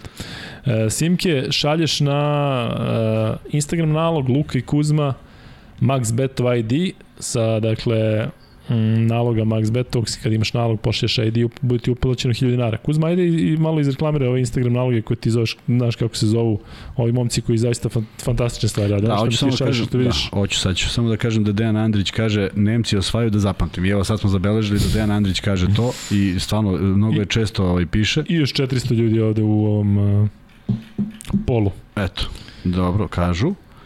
Šta kažem? Pita, pita, ne znam kako je, pita, pita da li je bio faul nad Prepeliću. Ja mislim da nije bio faul, mislim da je prošao ispred njega, zaista ne znam. Jer, Da, da je bilo sam- malo kontakta, ali nedovoljno za faul. Da, nedovoljno za, I mislim da nismo svirali ni jedan, ja mislim da je samo Jokiću priznat koš. Ni jedan drugi faul nije bio sviran kao faul za tri. Ali Jokić je već uzeo loptu i krenuo u taj koktel, to video da će ovaj da udara po ruci. Nije, nijedan nije bio... Sve ovo je bilo naknadno posle kontakta, pa ajde da ja glumim sada da ću da je kao šutiram. Tako je. Dakle, imamo Luka i Kuzma, to već znate, sa donjom povlakom napred i nazad. E, imamo Buka i Kuzma, Meme Page. Imamo, Da, nemamo mi, to su momci napravili, Luka da. Spasovski Mime Page, ima i Kuzma. Kuzma? Kuzma Kuzmanović. Mime Page ili Meme Page, tako da ima sad svašta. Ali reci mi samo, jesu isti momci? Ne znam, pa kako da znam. Pa ti šalje nešto si rekao? da Šalju i kažu, mi smo taj i taj, ja sad, znaš, baš da zapamtim. Ali... Momci, molim vas, šaljite na naš Instagram nalog da znamo ko ste, šta ste, odakle ste, da vidimo, da organizujemo nešto, zato što ono što vi radite, što meni Kuzma šalje, zašto Instagram nemam još uvek. Ali planiraš svakog da, dana? planiram, ali ovo mi je dobro, ti mi pošalje sve što treba. E, to je fantastično, kažem, i baš najbolja priča, ajde što su duhoviti, ajde što, kažem, treba to da se napravi, nego ljudi stvarno prate podcast, dakle, to su oni, de, oni detalji, poslao si mi ono za Miće Berić kada otvara Ultru, Da. Znači, neko mora da gleda 3 po sata. Da, da. Svi da to? Dakle, ultra je, znači, to ćemo, to će nam biti prvi šorci, znaš? Hoćeš, da, hoćeš Prvi jednu hladnu, šta, da. se, šta se sakrio. Da, ovaj, i prvi šot će biti kako Mića legenda. A mi će hoće da se ne Otvara, čuje, a mi da, da. ovde reklamiramo. Tako je, da. Kuzma kad otvori to je Otvorim tri, Da. samo da se lepše čuje. e, A, ne mogu, ne mogu, ima ima komentara da da ovaj pišu i e, zaista završetak ove ovog evropskog prvenstva nije nešto što smo očekivali. Ali ne mogu da se otmem utisku da jedino ko je tu, ako mogu da kažem slučajno, po onome što smo gledali na terenu, je Francuska. Znaš u kom smislu? Dva puta na korak od ispadanja. Ovi ostali su zasluženo pobedili. Mislim, bez, bez nekog e, Da li je to ono što bismo mi voleli, da li je ono što bi bilo interesantno, vidjet ćemo. Ja mislim da nas očekuju neizvesne utakmice u svakom smislu, a možda bude i neko veliko iznenađenje, vidjet ćemo. Boriš Pandurović sa najboljim predlogom za nikada, tetovažu koju se nikada neće vidjeti, kaže staviš kantu sa italijanskom zastavom i eto i završiš posao. E, ovako, e, E, Kuzmu Kuzmanović je napravio Ćuki iz Vršca. Evo ga. I je pozdravljamo. Čuki Čiča? Ne, to to? ne, Ćuki. Imamo ovde Čuki Čiču koji se stalno javlja. pa možda je Ćuki Čiča, ali ovde je onda Ćuki. kažeš ne. E, Kuzma, ja bi se sa Petrom Panom složio u sledećem izlaganju, odnosno u sledećoj konstataciji. I dalje mislim da smo mi ubedljivo najbolja reprezentacija na Europskom prvenstvu. Šteta napred, momci, glavu gore. Mi stvarno smo pokazali ovo što ti kažeš najbolje. Tako je. Ali da li je trebalo, pita me drugar, da li je trebalo mi da kalkulišemo? Da li je trebalo Ne, mi da ne, spustimo ne, loptu ne u možemo, nema svrhe. Ne da kalkulišemo, nego da Jokić ne igra jednu partiju.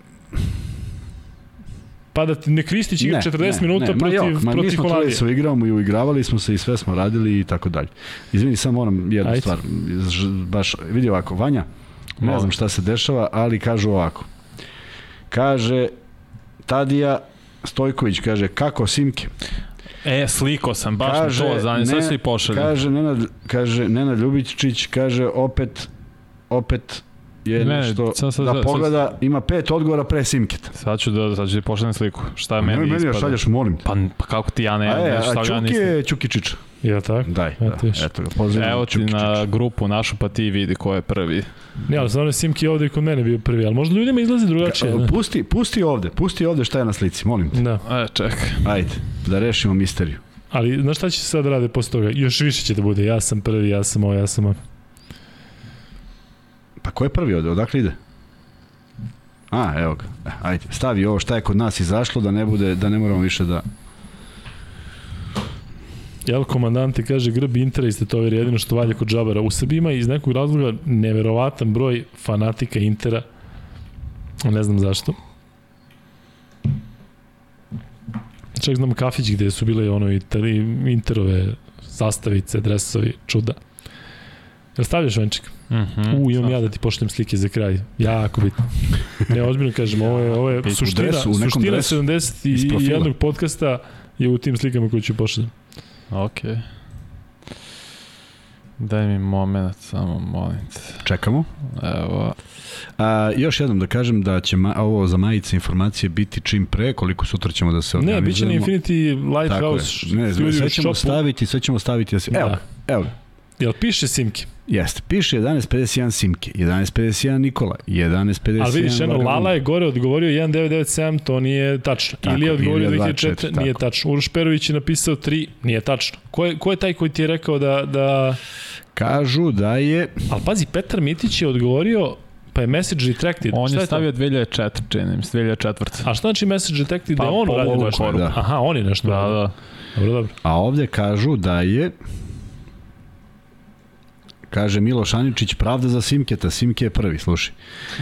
E sad čekaj, samo da im ko je poslao sliku. Simke Živan je poslao sliku, Živan je samo poslao da- sliku, jer njemu je, ži, o, ovde i nema Živan. Jel ima Živan ovde? Ko? Nema. Živan piše, Živan Jovanović 2005, Simke 2005, Nikola 2005, Vagabundu 2005, Lazar, pa Uroš Perović 97. Ovde Ajde, uopšte pošalji. nema. Pošalji ovaj, e, Vanje da vidimo, da vidimo svi o čemu se radi. Ne možemo, a na ovo je jedino merodavno. Evo ga, čovjek je poslao i stvarno piše Živan Jovanović. Evo ti. Posle Ratka. Ali, ali ovde ga nema. Bukvalno, evo, pi... Stvarno piše Vanček. Šta? Ratko Pavlović, Pa ide Živan. Ali kod nas nema. A ovo je jedino Ja ne vidim možemo šta Tako meni je. na ekranu piše. Da, tako je, mi moramo se rukovodimo time. da, Nije možda su ljudi stvarno u pravu da... Pa nema šta su u pravu, ovo je naš ekran. Mislim, jedini merodavan, ne zato što nekog brišemo. Ne, nego samo razmišljam da li ovaj, ovo što sada je živan video, da li je to nešto što možda ima, da se možda nije ulogovao, da možda nije, ne znam, nemam pojma. ne znam, evo. Čak je ovo crno belo stvarno da je živan A ispred dobro, Simke. nećemo više o tome, ovo je, tako je, moramo da, moramo da kažemo ko je prvi kod nas i to je to. Živan, Siman, da vidim dole do kraja, tako, Nenad. Jeste, sve ostalo Jeste, je sve po ostalo ide, tako je. Lazar, Uroš.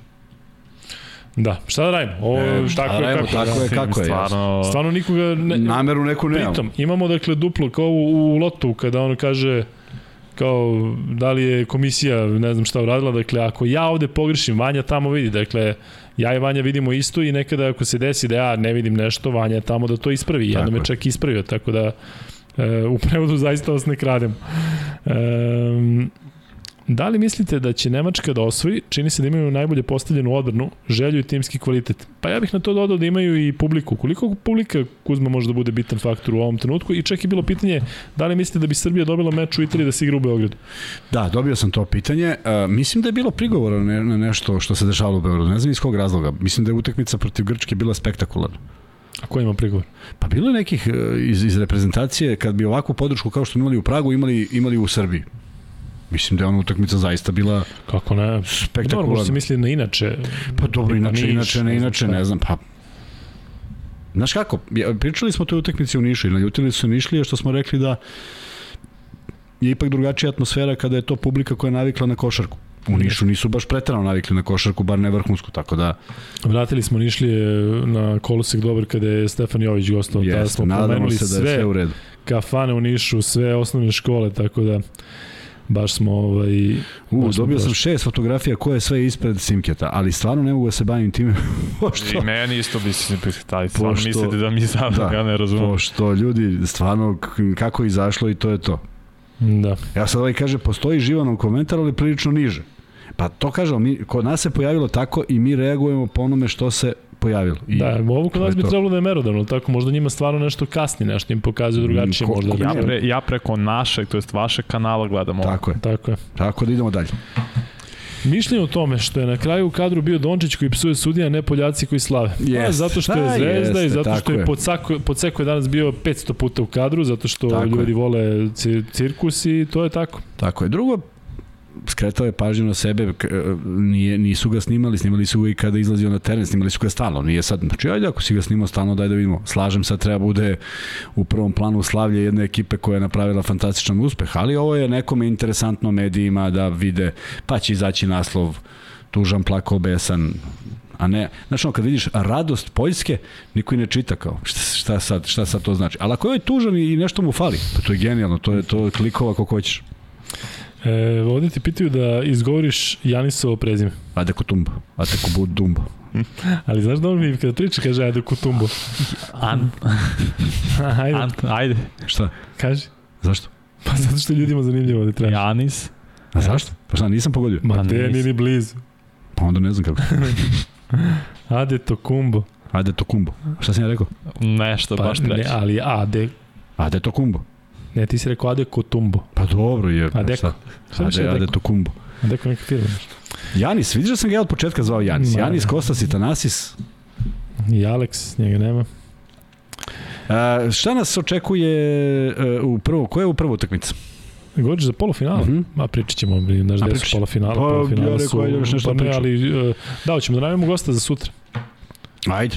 Ajde, gost sutra je Vladimir Štimac. Doći će dakle Štimara koji je ispod car, tako da E, Spremajte pitanje za, za Štimca, on je momak e, iskren, prirodan, odličan, trenira, to je ono što mi je drago, dakle vidjet ćemo, volio bih iskreno da, da saznam kakvi su njegovi planovi.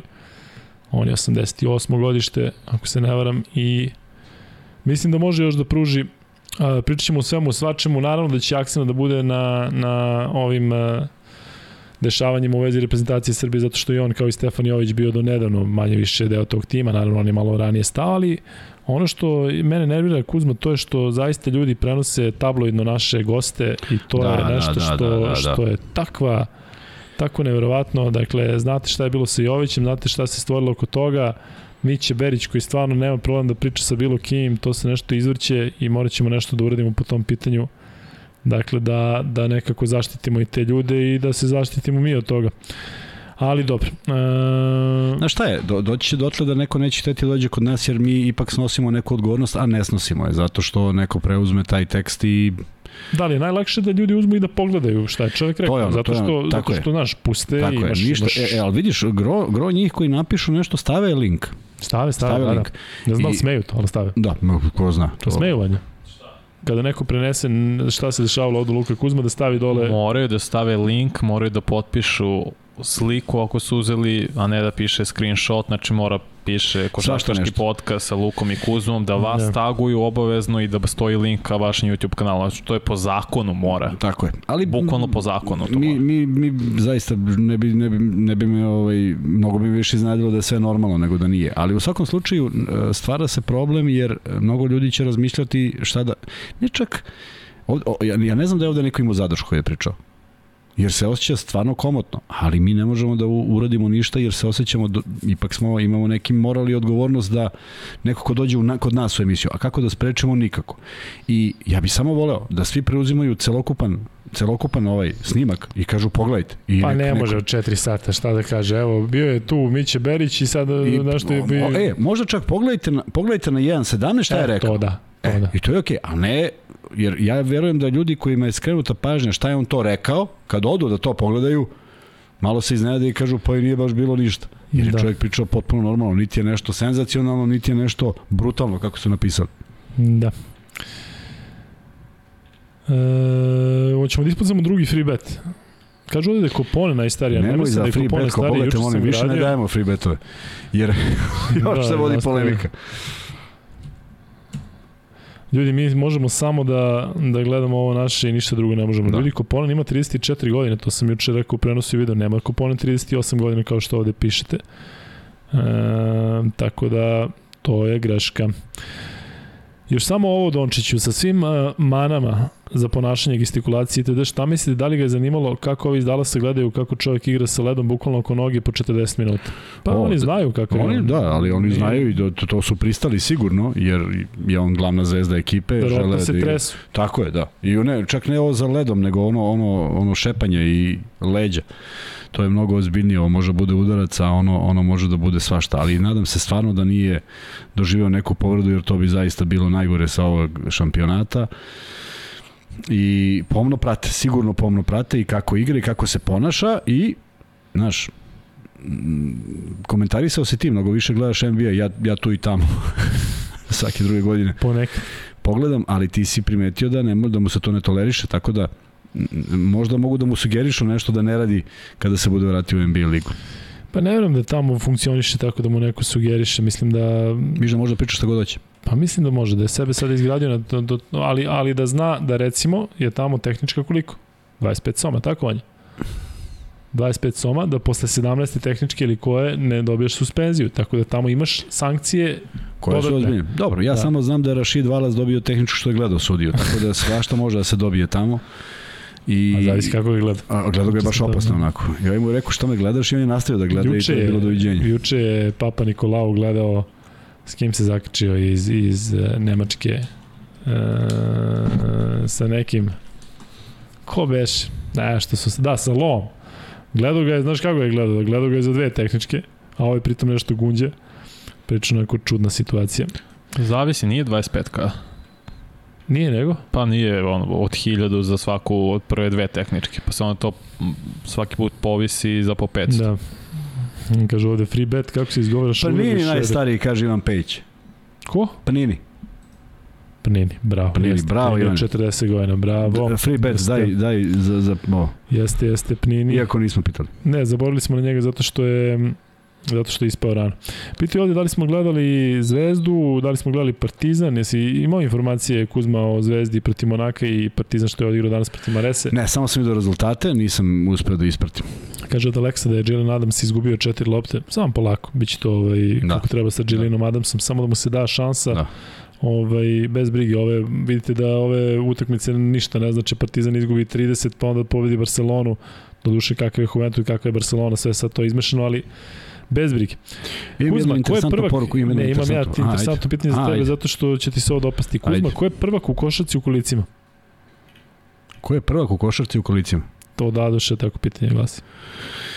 Uh, zvanično prvak, pošto ove godine nije bilo zvaničnog prvenstva pod okriljem Saveza, zvanični prvak je od prošle godine Singiduno. Međutim, nekoliko ekipa se udružilo da odigra neko prvenstvo koje su nazvali prvenstvo Srbije i drugi klub je prvak Srbije, ali kako bih rekao mm, mimo mimo saveza kojem pripadaju. Dakle, liga kao da, napravljena je liga koju su oni nazvali prvenstvo Srbije i nisu pozvali ekipe koje su uh, bile pod okriljem Saveza. Tako da ne bi znao da odgovorim. Osim aktualnog prvaka zavedenog po svim pravilima, to je Singidunum iz Beograda. Singidunum Crvena zvezda. E, Dončić, A to je provokativno peta. pitanje i verujem dolazi, znaš, sa te druge strane da bi ja odgovorio. Ne, da. Janis isključujuće, da li je to dokaz nadmenosti što je možda koštalo i Sloveniju i Grčku? Pa ne mislim, mislim da je trebalo to da im daju, na, da, da je trebalo da ih naviknu da će biti sankcionisani. Ovako su vjerojatno i oni bili u čudu odakle sada ovaj, e, takav, takav odnos prema nama. Dakle, trebalo je seći to odmah u početku i mislim da bi onda bili i oni mirniji. Sada sudije pokušavaju na kraju prvenstva da, da imaju neki autoritet, a nisam baš siguran da to da to ovaj, lako ide. Kaže ovde, dajte pol ko je dobio free bet. e, da li će biti kačketi u prodaji? Biće svašta u prodaji, samo da ispucamo ove majice, dakle od e, dobavljača, odnosno proizvođača koji ih radi, ima još puno opcija, tako Kuzma, šta se sve vide tamo? Znam da ima bodića, ima, ima, ima, ima dukseva sa koji, o kojima ćemo pričati sa, sa proizvođačem, ima nekih fantastičnih jakni i vidjet ćemo kako će sve to da krene. Tako da, ali mnogo lepo Da. da. izgledaju. Zaista, zaista je, ovaj, uh, probao, sam, probao sam materijal mnogih majica, ovaj mi se najviše dopao i najjednostavniji je što se kroja tiče, mislim da može da stoji svakome. Samo ćemo da se malo ovaj, konsultujemo jer ovo što mi imamo, imamo XL majice, Luka ima skoro 2 metra, ja sam malo niži, a, tako da po tome negde se orijentišete šta biste poručivali. Da, i koliko ste veliki, XXL je baš Da. onako za... Zato što za... ako mi stanemo u XL, Tako je, ali ovaj, e, dve opcije su, dakle, prvi, prva opcija je da ih kupite preko Infinity Shopa, a druga opcija je da dođete ovde po njih ako ste blizu, Infinity Shop tek treba da stavi, tako da o tome ćemo pričati sutra i vidjet ćemo možda da već sutra ovaj, možete da ih kupujete i da ih naručujete. E, opet te pitaju da li si da li si gledao zvezdu. Ja sam pro- programer, mogu da napravi fake putem HTML. Mo- Mogu da fejkuju ono, a Vanja? šta? Pa ove slike koje šalje. Ne znam da li je bilo dovoljno vremena. da Ne, su stvari što bi to neko radio? Ja pre E, mislim da je to tako ide gore dole. Idemo dalje. Ma da. Ljudi, mislite li da je ovo do sistema takmičenja, to jest da ono smanjuje razliku u kvalitetu ekipa? Pa i u play-offu gde se igra ovoliko često, često se desi da je kad neko pobedi prvu utakmicu izgubi 1-3. Da, kako ti se sviđa ovaj sistem takmičenja? Ovo sa 24 loše ekipe, pa 8 ispane, pa onda ostane 16, pa svako može da pobedi svako. Pa ovo takmičenje sa 24 ekipe uvelo tu još jednu uh, rizičnu utakmicu osmine finala. Ono nije postojalo ranije kad je bilo 16 ekipa i to je najveća razlika. I onda se iskristališe nekako zaista odnos snaga bude takav da, da, da, da se jako teško dešavalo ovde. U, u grupi, u velikom broju utakmica tebi dozvoljava da ti budeš četvrtoplasirani sa lošom utakmicom, a da ne budeš uopšte loša ekipa. U, u, u manjem broju, uh, u sistemu sa manje, manjim ekipama, teško ćeš da se provučeš sa 2-3 koliko si mogao da imaš uh, sada u, u, u svojoj grupi. Prema tome, Uh, jednom, jedna digresija, ali kad sam bio u, u, Savezu, otišao sam na taj tehnički sastanak na Kritu, a, gde sam postavio pitanje gde ima logike da u jednoj grupi od četiri tima poslednji tim nastavi takmičenje. Čemu to služi? Ima 0-3 i on nastavlja takmičenje dalje. I pitao sam samo da razumem zašto mu se poklanja da, da nastavi takmičenje, zašto nije jednostavno skraćeno. Neću verovati odgovor. Kaže šest utakmica, ako se ne igra ta utakmica, šest utakmica je malo, a devet je premnogo. Dakle, to mora da postoji da bi oni odigrali određeni broj utakmica, da ne bude da su došli samo na tri. To što nema nikakve veze. Mislim, nije tamo neko došao da se razigrava, nego da se nešto, da, da, da, da, da se igra košarka, ne da se zadovolji broj utakmica. Tako da, e, meni je žao što postoji osmina finala. Majke. Jer Majke. Pa majke. Baš ti je žao, znači Pa zato što se dešava, da zato što se dešava ovo što se dešava. Razumem na, na ovim, to u evropskom nikad nije bilo, na svetskom jeste, na, na, na olimpijadi jeste, ali na evropskom nije nikad bilo. Ne ređi isto ako stoji top chat i live chat, da vam rešim to ko je bio prvi. Dobro. A, Luka sad priznaje kad si rekao juče da će Poljska odvaliti Slovence. Nećem se da sam to rekao, mislim da sam kao i vas 90 i kusur posto na onom polu rekao da će biti drugačije. Vanja, može li autoban za ljude koji ponavljaju poruke, jako su iritantni? Pa ne, ne mora, zato što meni nekada ovaj, ta, to znači da neka pitanja koje sam preskočio ili koje ne vidim, da rešim. E, ne znam, verovatno nisam na 100 od 100, u trećoj četvrtini sam dobio lekciju leđa, ali to nije izgovor danas sam da je ova e, izjava Dončića, ali pitali su ovde za izjave i Tudisa koji je mirno e, odgovarao e, novinarima, ali onda krenuo da se bahati pa je rekao, pa vi ste ti koji prave favorite. Pa nismo mi, Burazer, od tebe napravili favorite kad imaš Janisa imaš onakve životinje. Tako imaš... je, to ti ska, to kaže svaki trener. Na, to kaže svako ko izgubi, mislim, o, o, Što im smeta ta uloga favorita? To mi nije jasno.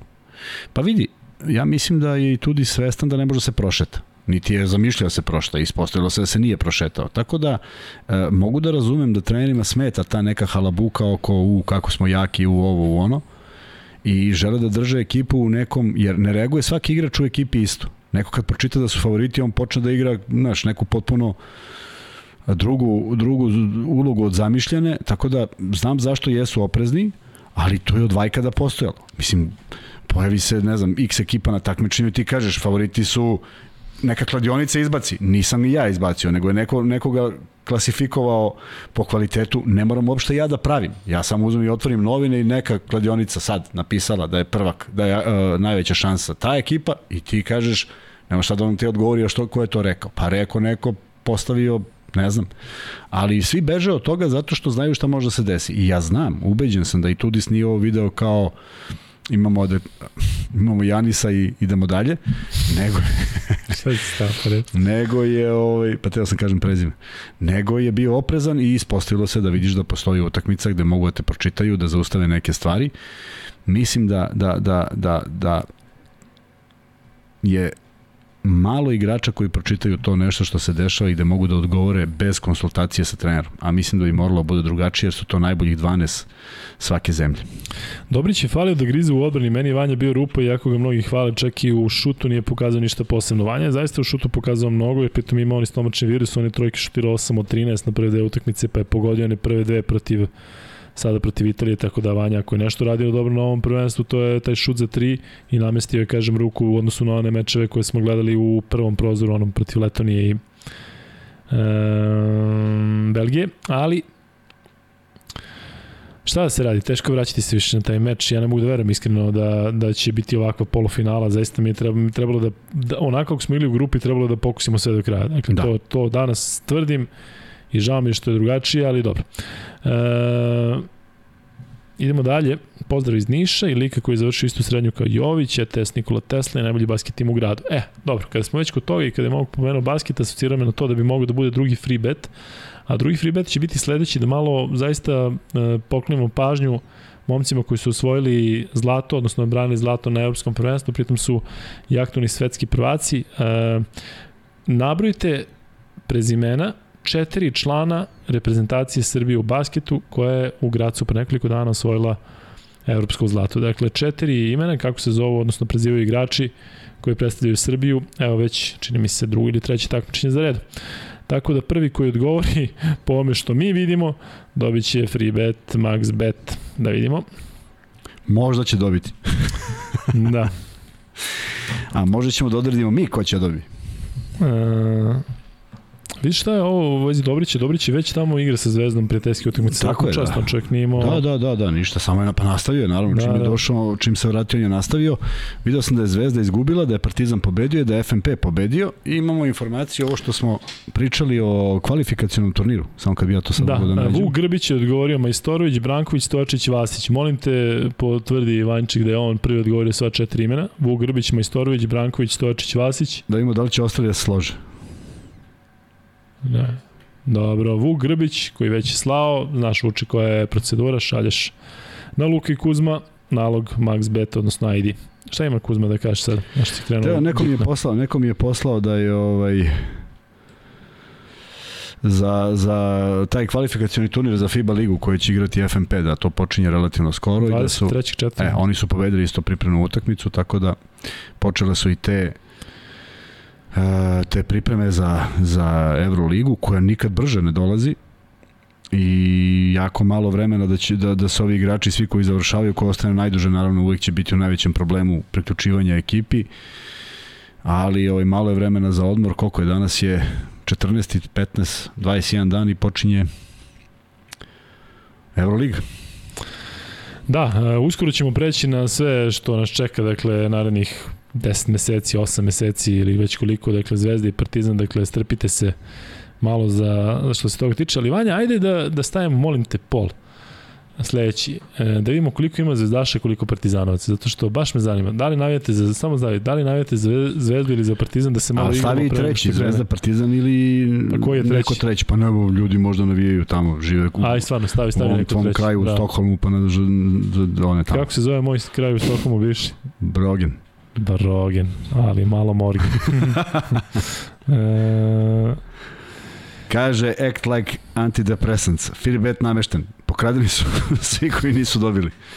da, neko je rekao, kaže, dajte ko poslednji odgovori na free bet, pa Može i tu bi bilo problem. Pa da. Kuzma, da Ja li, sam poslednji, se, ja sam poslednji. da li vam se čini da će ovo EP poslužiti kao alibi Fibi u smislu potvrde prozora kao uspešnog eksperimenta? Nije uspešan, potpuno neuspešan eksperiment. Šta im, šta im ide na ruku? Što su Poljaci u polufinalu? A gde je ovih osam ekipa zbog Pa koje... čekaj, ali pričali smo da populari, popularizuju male timove. I vidiš, Mali- Finska, ma, Poljska, Nemoj mi Finska mali, možda je bila mali pre x vremena, da ne može ona u 16 da bude mali. Sad ali govorimo u o 8 16. je mali. U 16 mi govorimo o evropskom prvenstvu 16 ekipa kako je bilo 300 godina do sada. Ovo je prošireno, ja sam rekao, ako jedan uđe, to je uspeh. Nije ušao ni jedan. Svi outsideri. Meni je žao što je Bosna bila u jako teškoj grupi, jer ona ni u jednoj drugoj grupi ne bi bila neka, neka reprezentacija koja treba da ispadne. I ispada, ispala je zbog koš količnika, ne zbog toga što je loše igrala. Prema tome, Uh, to je jedina anomalija ovoga što je eto Bosna bila u toj grupi. Inače sve ostale mogla da zameni jednu od ovih ekipa i to bi bilo 16 najboljih ekipa u Evropi. Da. Ljudi, ajde udarite neki like, stalno vas pozivamo za te lajkove, nemamo onaj papir, obećali smo da će biti A na papiru ćirilica. smo rekli da će pisati ne ćirilica, Da. nego, nego, E, nego lepo. Tako je. Pa i sad ovo. Eurobasket na svake dve ili četiri godine, pitanje za bojicu, može i Vanja ako hoće. Ma, ja, ja kažem na rekao. dve, Vanja, dve, Kuzma, Dve, naravno. dve. Poruka Fibi, stavljate na dve. Da, baš da vas, zanima. ne, da vas mi ne, ne dočekamo To mora ovde. bude evropsko, svetsko, evropsko olimpijada. Olimpijada. Tako je, pa tako je bilo.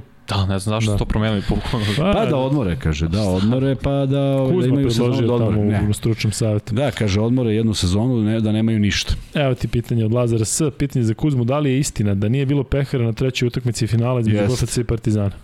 I kako su to objasnili? Niko objasnili? ništa nije objašnjavao. Pitanje za Štimca. Polako, malo ste poronili. nije. Što Ne nije dolazi Pešiću sada. smeo da kaže da se ne zove Aleksandar? A, to je stara, da, da, Da. da. stara anegdota, jeste. E, Vidjet ćemo šta kaže. Mić ubiše u Telegrafu. Šta su mu nastradili u Telegrafu? Pa verovatno je brutalno ili skandalozno ili ne znam nešto. Da, po, posebno brutalni i skandalozni Miće Berić, koji je ono najpozitivniji čovjek na planeti Zemlji. Da. I došao kod E, nas da priča o tom. Da, čovjek koji otvara otvara ultru ispod stola da se ne bi čulo, sad je on On tu je, ne znam da. šta uradio. Darko Miličić za podcast, vidjet ćemo. E, da Vrlo rado, samo ne znam kako da ga namamimo dođe. Ja nemam problem da da čujem čoveka koji je ovaj zaista bio jedan izuzetan talenat. E, ljudi kad pričaju o njemu uvek je neka, ja se slažem da je on pravio neke gafove, ali uvek je neka pežorativna priča. E, vidjeli smo Nikolu Jestatijevića, kojeg mnogi koji poznaju ne mogu da prepoznaju u razmišljanju u svemu. Ali on čovjek koji je zadovoljan svojim životom i nalazi se na dobrom mestu. Videli smo Vladu Radmanovića koji nije u medijima, koji je došao ovde iznenadio na sve i videli smo da je na dobrom mestu. Ja mislim da će uskoro se pojavi Dejan Koturović za kojeg sam ubeđen da je čovjek koji uživa u životu sada u stvarima koje radi. Da vidim si kako izgledaju, da su mirni. Da... Tako je. E, i sada mi da pričamo da li je Miličić koji je domaćin čovjek, koji tamo ima neko, neko imanje, vinograde i on ne žali. On ne žali.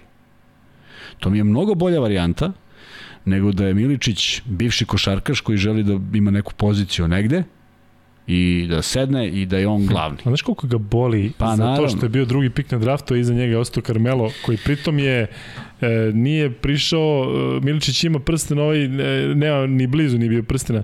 Tako da mislim da ga toliko baš briga taj draft Njemu je 2003. A drugo, reću jednu stvar, e, što se tiče Darka Miličića, čuo sam privatno Tako I, je, pa to iz ti kažem. prve ruke i Da iz druge ruke to. da on toliko ljudi uspeo ovaj, da, da, da je pomogao toliko ljudi, da učestvuje u nekim humanitarnim akcijama toliko puta i da je insistirao na tome da se to ne čuje. Ja se izvinjam što sada tako pričam, ali zaista svaka mu čast.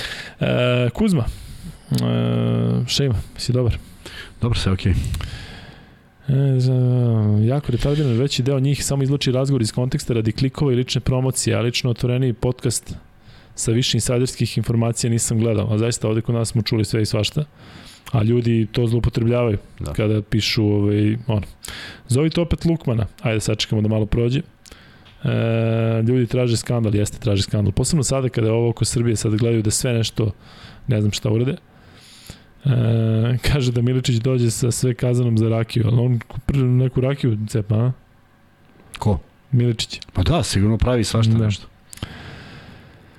Stavi bombastičan naslov da bi dobili klik. Da, to znam. E, kakve bi šanse dali naši repki da pored Bogdana Nepi, Nepa nije igrao ni Jokić iz bilo kog razloga? Iz vaše priče Milutinov kao da ne postoji. Odnosno kao da bez Jokića ne bi umeli da igramo. Pa mi stvarno nismo umeli da igramo bez Jokića ono protiv Italije. Ne, to iz naše priče. To To je podatak koji glasi Da. izašao minus, ušao plus. I mislim, ne zato što mi to mislimo, nego zato što je to ta, stvarno ja tako bih izgledalo. volao da verujem da tako ne bi bilo uvek, ali Ali ta pokazalo se sada. se pokazala kao takva. Mi smo ličili na Denver kad igra bez Jokića. To je meni Otprilike. najgore od svega. Dakle, Melon zna da drži Jokića 6 minuta u posljednjoj četvrtini kada je bitno na klupi da bi kao sačuvao za ovih drugih šest i tad ne može da veruješ šta se dešava. Dakle, tada ne može se odradi jedna akcija. E, žao mi je što Šruder, uh, je li Vanja, evo pitanje za tebe. Ajde, odgovorite vi ovde. Šruder koji je slobodan igrač, ono što smo pričali, da li misliš da bi se snašao u Denveru? Bi. Bukvalno bi. Njima fali play, ja mislim da u salary capu ima, ima Zar nije prostor. drugi play ovaj, što je sad bio druga godina? Mont, a misliš Ne, Highland? ne, da, Bones Highland. Pa jeste, možda o njega, ali ovaj, sve jedno bre Šuder je. Što treba bude u NBA-u. Pa Šuder će biti u NBA-u, samo treba u Denveru, ne treba da ide igri u Houstonu gde, gde su klinci koji sad on da im baca ali upove. Treba da, da, da pokaže ovo što je pokazao ovde, treba da pokaže u jednoj dobroj ekipi. Ako mogu da igra u Lakersima, duše tamo je bilo problema. On je u Atlanti bio sila. Ja sam mislio da će da grade nje, oko njega tim kada su pustili sve redom, kada su ih sve Da, da. pustili i ostao Šuder. Rekao sad će, znaš, da, da tu prave. Ne znam koliko je Minnesota. problematičan. Šta? Minnesota. Šta? Dobro bi bio tamo. U Minnesota? Da. Pa misliš da ne bi pojao Enta, a? Ne, pa iza, da bude šesti igrač iza DeAngelo Russella. Ma, ne, Ne, ne bude start. Meni Šuder je za starter. Pa i meni ali mislim, i ima 28 godina samo. Što da, igra u Evropi bio bi najbolji play. Da.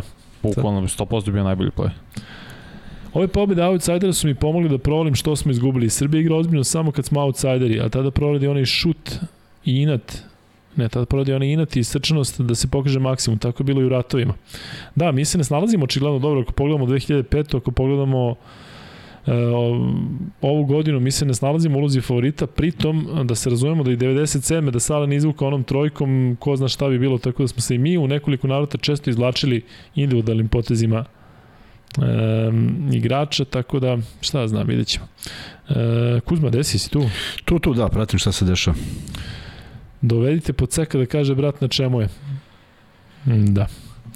Mogli bi. E, ponovno vas pitaju da li smo gledali Zvezdu. Da li su Poljaci igrali 100% protiv nas ili su taktizirali? Ne zanimljivo.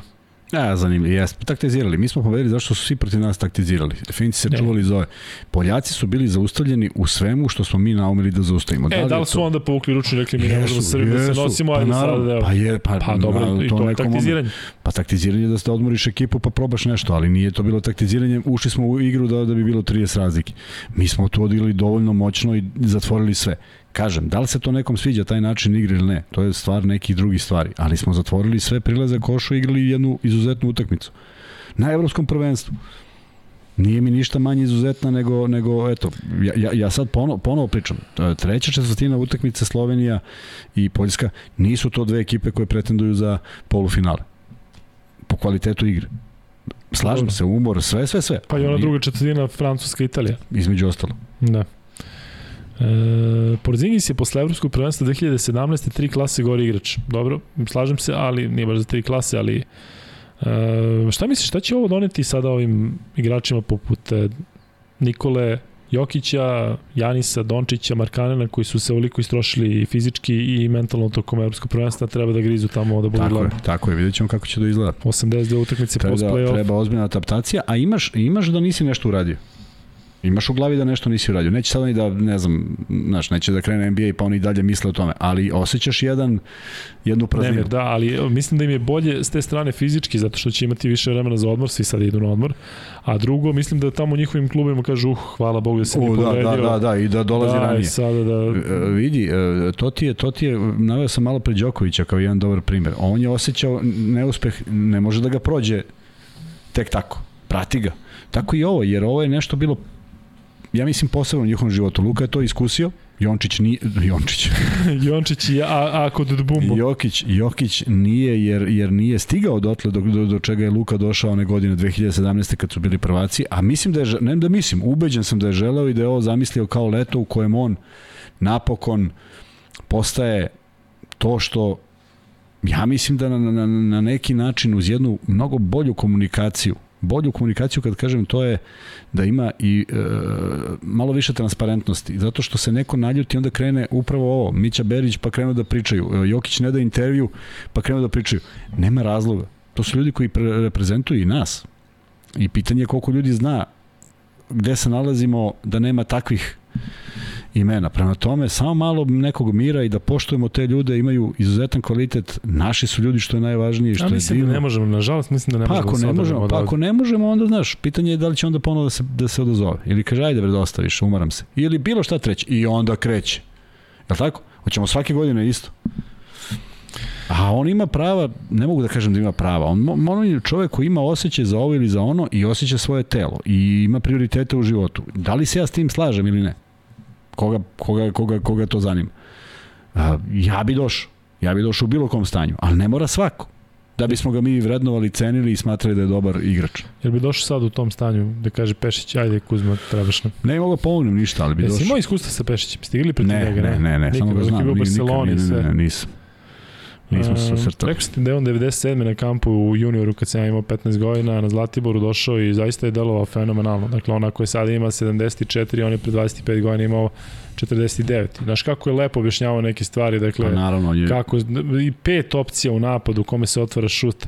Sećam se sada, ovo verovatno nikome ne znači, ali bio je jedan Adam koji je bio trener, koji je onako delovao prilično spremno i u svim tim sada akcijama koje Pešić pozajemlj, pokazuje, taj Adam je pogodio apsolutno svaki šut. Dakle, to je 50 šuteva, on je pogodio svaki, sve je bilo u fazonu, ajde vodi ga, gde je on trenirao tada Albo ili šta je trenirao. Ovaj, ali ne znam, zaboravio sam kako se zove čovjek koji je 97 ne 97. nego uvek organizovao taj juniorov kamp na Zlatiboru, gde su uvek bili reprezentacije, dakle to radi konkretno bila reprezentacija 83. godište, E, I to je bilo jako lepo organizovano i preko sam ti Džile tad bio na kampu. Džile koji je imao jedno 6000 kila manje sa kosom koja, koja je onako baš retka. lepa. Rajf, Cvike, ali Cvike drugačije 97. godine. Čak mu se sećam i majice kako su bile. Ovaj, e, Džile je tada bio zaista fenomenalni. Baš smo dobro e, baš je bio dobar, kažem, uvijek je onako, znaš, uvijek mi dobaci recimo nešto, onako drugarski, čak i vodio protivničku ekipu, ali kaže mi čekaj stani, uradi to, znači potpuno, potpuno ovaj, lep utisak i neko mi delo da se po, po, promenio. E, žao mi je što više nije ima mnogo je ozbiljniji. E, jako se sprde, jako se zeza, tada je bukvalno bio mnogo pozitivniji. Vratno ga je taj trenerski posao... Pa dobro, i život se... Naravno. A drugo, kažem, e, i kada sam učestvovao na takmičenju za kucavanju gde je Gile bio e, sudija, u, govorio mi je, ne, ne, ne, odatle, nemoj da se zletiš odatle, ovo, to su nam, neće se vjerojatno, 97. odnosno ne znam da sam to ja, 2007. kada sam učestvovao na tom takmičenju kucanju, ali zaista ta dva iskustva sa Giletom više nego prijatna. Da li bi Srbija, slušaj ovo Kuzma, bitno je pitanje i vrlo zanimljivo, da li bi Srbija imala dovoljan kapacitet dvorana i uslova da organizuje celokupno evropsko prvenstvo u košaci? Šta mislite? Mislim da ne bi, ali bi mogla sa zemljom u regionu. Gde je bilo... Uh, od 24 ekipe? Ne može, ne može od 24 ekipe. Pa ne može. A koje su nam dvorane? U Novom Sadu je, smo igrali mi u Spensu. Novom Sa, sad pitanje kako Millennium izgleda. Tako je. Jer on, on se, pa da. Da, Millennium, ali Spence, u Spensu smo Spence, izgubili od ovog. Spence, Millennium, uh, Beograd. I misliš da bi u Spensu moglo da se igra? Pa zašto ne bi? Pa otko znam, ne znam da li dvorana, da su iz nešto zatvarali, da nije bilo... Zato kažem, ne znam u kom su stanju dvorane, da. to su dvorane koje imamo. Ali mislim da i kapaciteti, da, i kapaciteti su ozbiljno, ozbiljno zahtevni, zato što je to mnogo, mnogo, mnogo učesnika.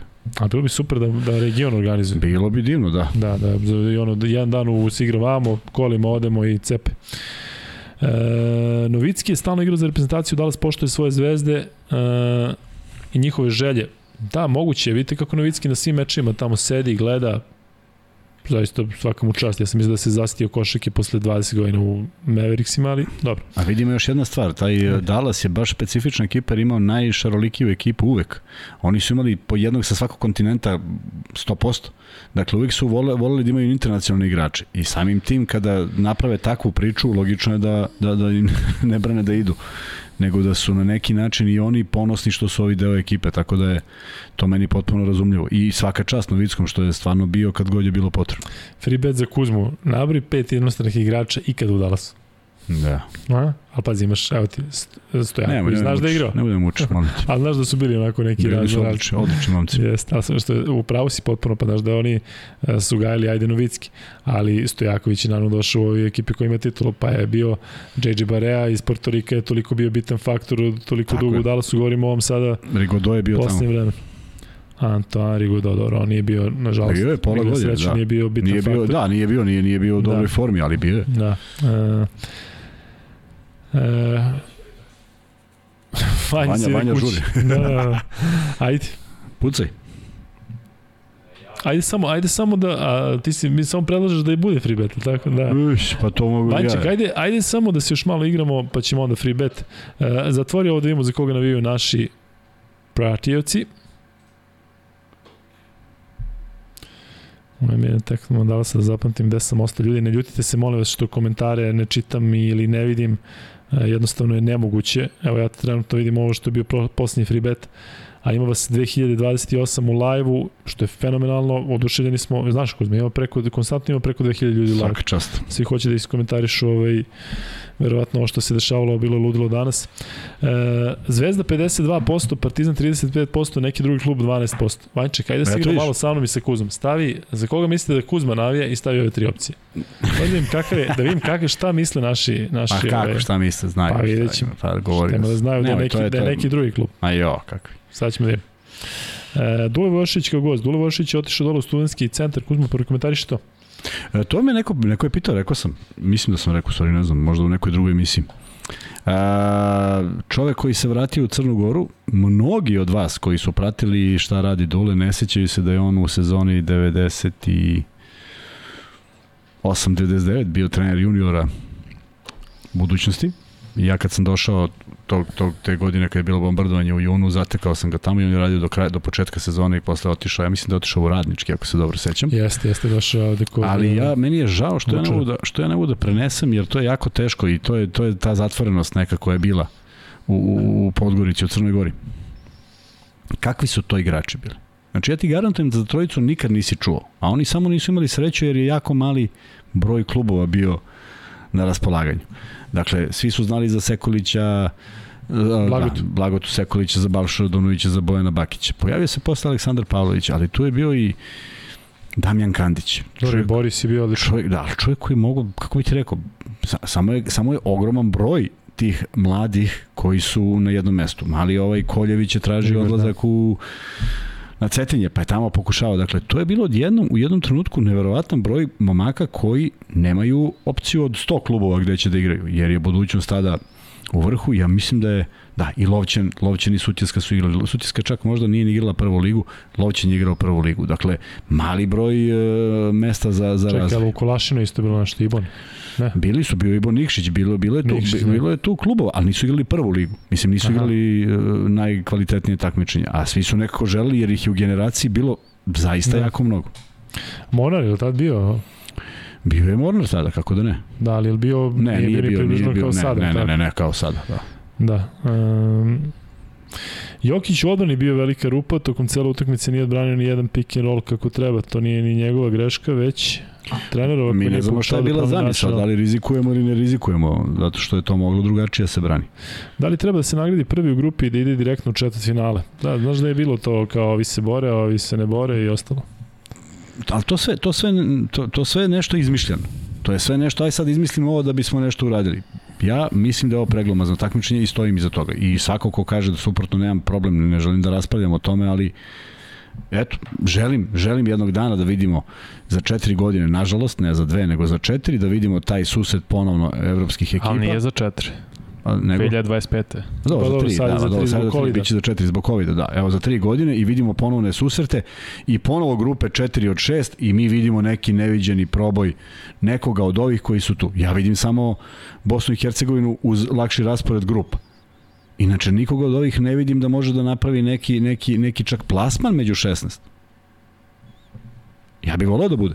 E onda bi bilo opravdanje u prozorima i male reprezentacije, male zemlje koje tu imaju prednost. Jer imaju prednost da se plasiraju da bi se plasirali. Pa okej, Ne.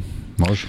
Komentar za odbranu Poljske. Mislim da su jedini pokazali logično rešenje u odbrani na prvenstvu. Jesu, dosta dobro. Da, Poljske? odlično je bilo. Ali ne, ne sve vreme. Odlično je bilo u prvom polovreme. Da. A posle je bio potpuni raspad sistema i ne znam, ne znam da li su oni znali šta igre u odbrani. E, Ali je delovalo i to je ono što je bila ideja odvojiti Dončića od lopte. U tome su uspeli, postigao je neke poene, negde kad se naljutio otišao do kraja, mada je to uglavnom bilo sa uh, šuta za tri, bio, imao iznenađujuće neke prodate lopte i opet su Slovenci svi do jednog imali tu tu jednu izgubljenu na kraju utakmice, ako se sećaš, na kraju treće četvrtine, u skoku ne zna gde će, pa pas u ruke, pas u ruke, mnogo je tu bilo izgubljenih lopti, ali su Poljaci uspeli u, onoj naum, u onom naumu, jer niko proti Slovenije nije vodio 20 razlike. Baš niko. Pa nije blizu.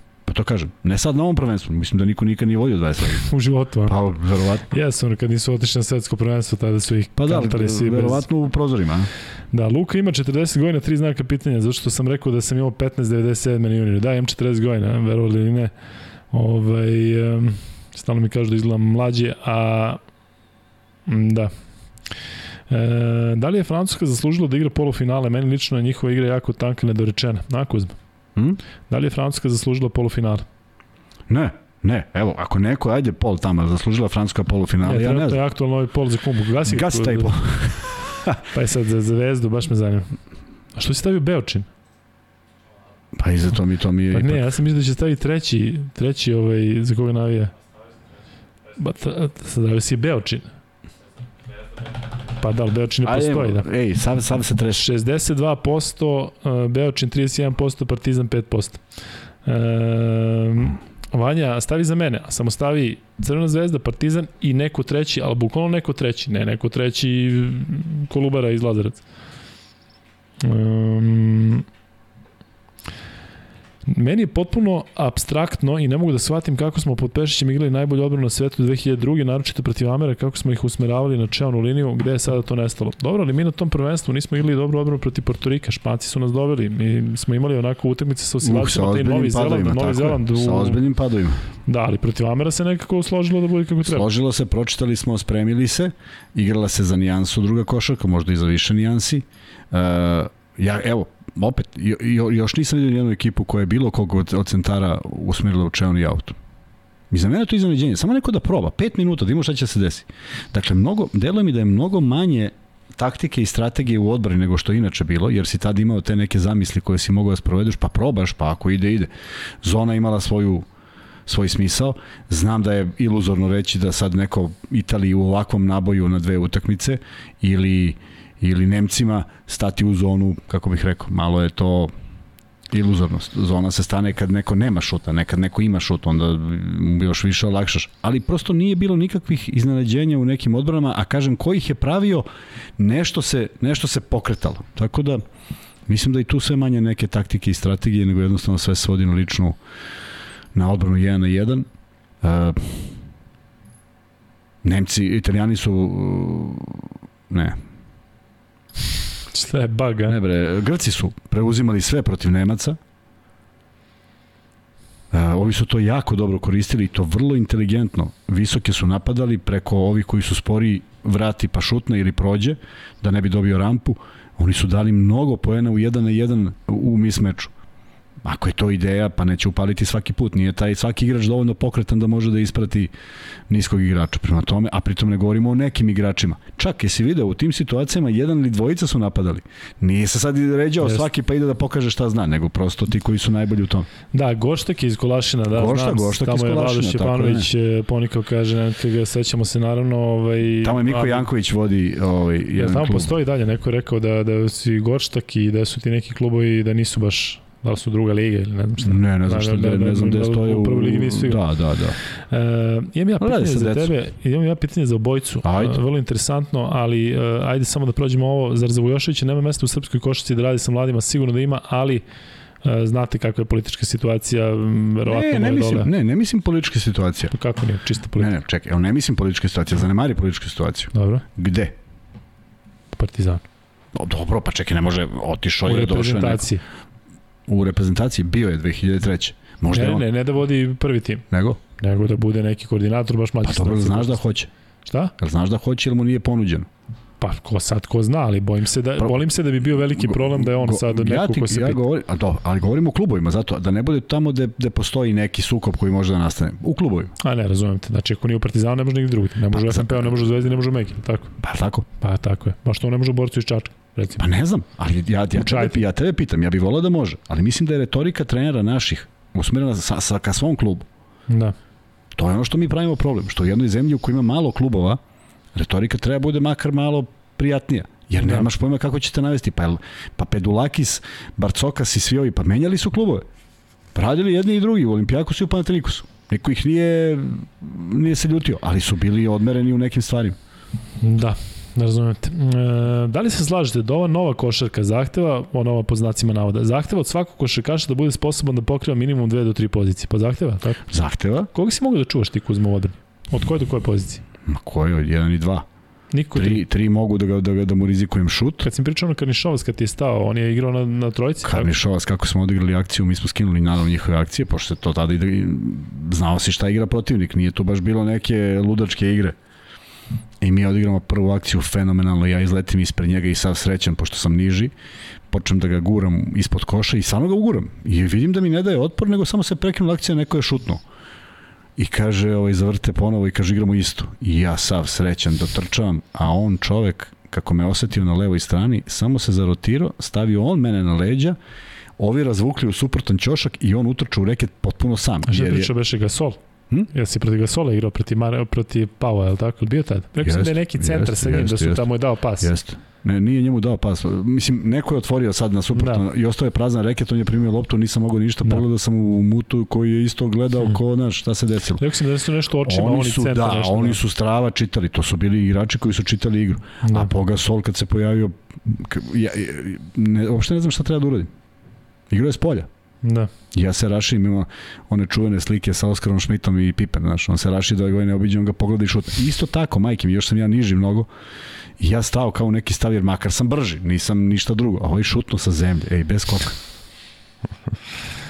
E, treba da zoveš Kanišovasa, da mu kažeš to i da vidimo šta će Denver da radi prošle godine. Mislim da oni dalje u Denver, jeste, tako? 100%. E, Zvaću ga već večeras. Predsednik košarkaških operacija negde drugde. Opa, Moguće.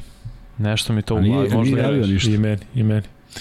E, moguće, moguće. U Brooklynu? E, nije, nije, nije neki tip Orlando, Orlandovski tip, taj neki Chicago. manji. čudi me da si, Chicago? ej, čudi da, da, si mi odgovorio. Arturas.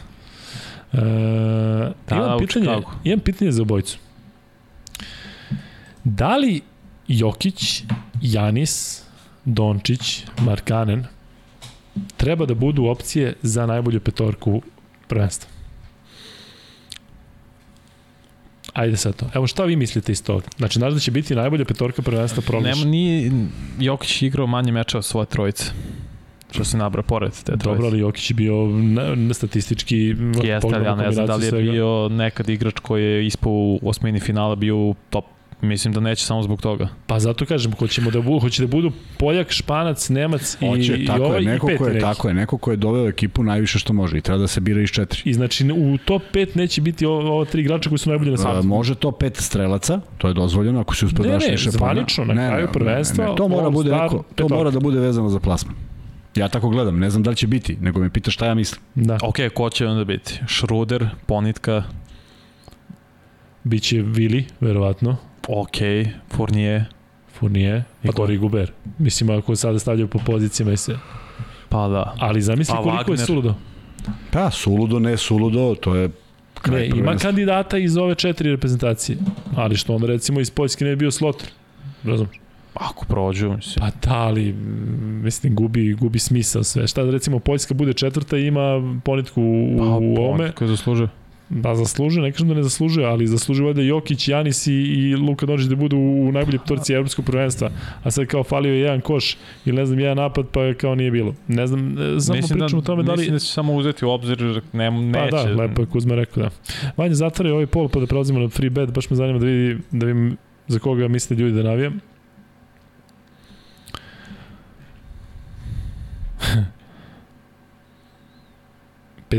posto Partizan, 27% Crvena zvezda, 19% neko treći. Da. Pa dobro, ima ljudi koji prate, pa tako da je verovatno verovatno znaju. E, Vanja, hoćemo da ispucavamo neki, neki free bet poseban ili ćemo nešto 16. Šta ćemo?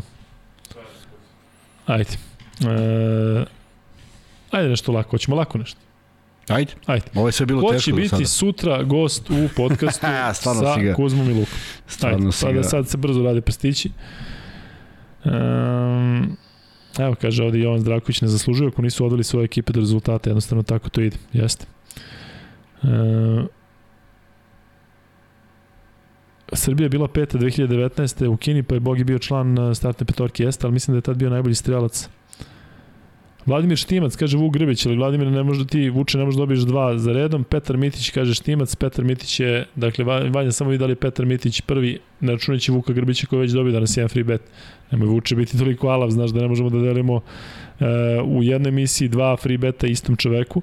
Tako da, uh, još jednom, uh, Petar Mitić, Pero, šalješ na uh, podcast na podcast. Šalješ na Instagram Luka i Kuzma, šalješ MaxBet.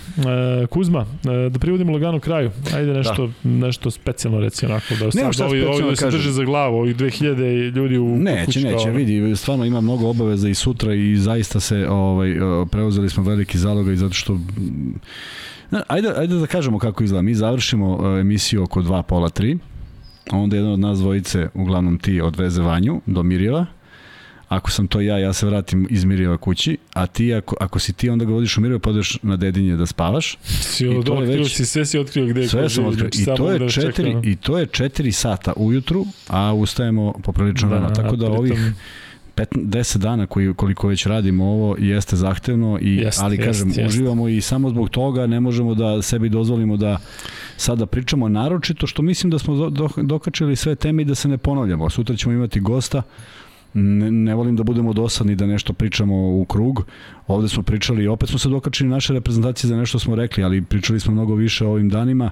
E, juče mi je bio vrlo interesantan ono što smo pričali, malo sam se posle zamislio u kom smo pravcu išli i video sam jako dim, jako dim, jako dobre reakcije ljudi da pričamo o nečemu i delovalo im je smisleno i meni mi je smisleno. ono što smo pričali kako rešiti ovu situaciju, Pa kako, koga kako te to. stvari, kako te stvari funkcionišu, kako Da. mora neke ne, nešto da se promeni, kako mora da se bude drugačiji, kako mora da se nađe neka strategija. Dakle, sve nešto smo pričali i te neke životne situacije koje smo imali unazad godinama, a negde sve iz želje zato što volimo košarku da, da, da, da, da uradimo nešto i, i, i da vratimo nešto košarci.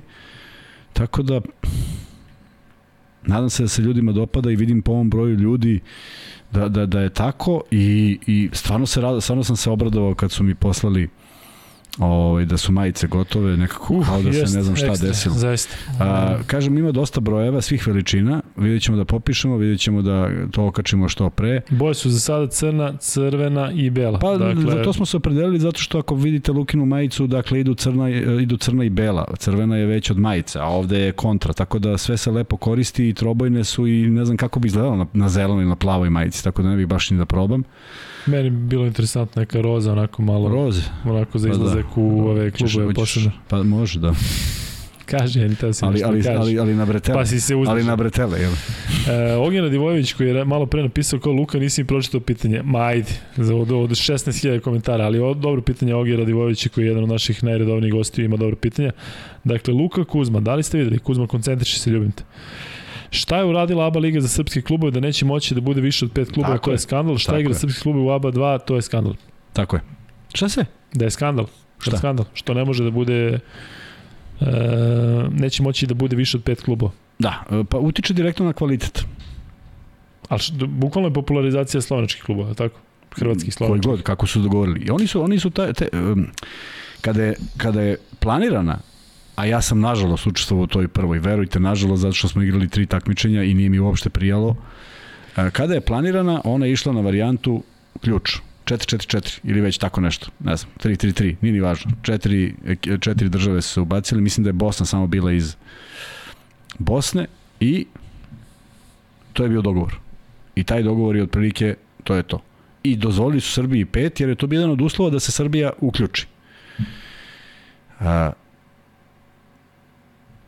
to iz jednog razloga nije dobro. Ja razumem ko je bojazan, ali to ne može da ima veze sa ulaganjem u košarku. Dakle, ne može da u, u jedan klub bude klub koji ništa nije uložio. A, ko je bio onaj klub što je osvojio slovenačku ligu? Ja mislim da se zvao Tajfun. Tajfun Šentjur. Je li tako? Pa, moguće. I mislim, ja sam bio... Koje tu... godine? Godiš? Pa, 10 godina. Pa dobro, mislim da možda Helios svoje. Ne, ne, Tajfun 100% je bio. Tajfun? Vrlo veliko iznenađenje. Da. Ćemo, Vanja, ukucaj tamo Tajfun, imaš negde Tajfun? Ajde, ja ću ukucam. Ajde, Vanja. Ajde, ukucaj, da imamo, da li su, kad su igrali... rekao da je Vanja eh, MVP podcasta zato što on čovjek rešava sve. Moram ti pošljemo one slike. Um, KK Šentjur. Šta kažu? Tajfun Planina, main sponsor. Dobro. Uh, jednom su osvojili Slovenian Championship, e, to, to je ta godina. Cup, a Tako to je bila godina 2014-15. E, i ja se oduševim, jer ja uvek volim tako neko da se pojavi ni otkuda, u krajnjem slučaju igrao sam u sličnim klubovima. Izvini, dupno, otvorili su super kup te godine, da bila neka ekipa. To, to kažem. I onda su napravili to čudo i ja mislim da nemaju ni jednu pobedu u sledeći, jer nisu apsolutno ništa uradili po planu popunjavanja ekipe. Možda su čak i do, ušli oslabljeni. U kom smislu je to dobro? Za koga je to dobro? A na primjer ovde na stand by u šesti, šesti tim radnički Kragujevac. Neki koji uložio i ne može da igra. Pa je to dobro i za ove druge hrvatske klubove? Je to dobro i za samu Olimpiju ili Krku? Pa nije.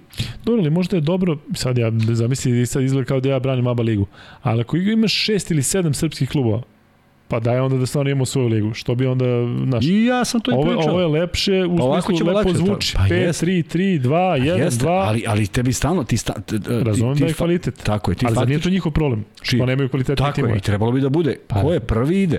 Ali oni kažu, pa vi ulažete drugačije, jer su da. kod vas ulaganje drugačije, pa će onda jednog dana bude 10. Možda i hoće. Ali čemu, čemu, čemu onda treba da se nada neki klub koji želi da igra ABA ligu? I stvori sve uslove da igra ABA ligu. Znači oni nikad neće igrati dok nekog ne izbace iz, iz, iz ABA 1. Slušaj pitanje. Uh, Kuzma, da li su ti draži stari plavi dresovi ili crveni? Za Luku znamo, on je sav crven. Jesu plavi, voleo ja, sam, crven. voleo sam, ja, moja prva pesma koju sam naučio negde kao klinac, plavi neću verovati. Da, plavi moji safire, da, jeste od Bajagi. Da, da, kako znam. Kako znaš. Znači, 75. je evropsko prvenstvo bilo kvalifikacije za evropsko prvenstvo 76. u futbalu su bile u Srbiji u Jugoslaviji.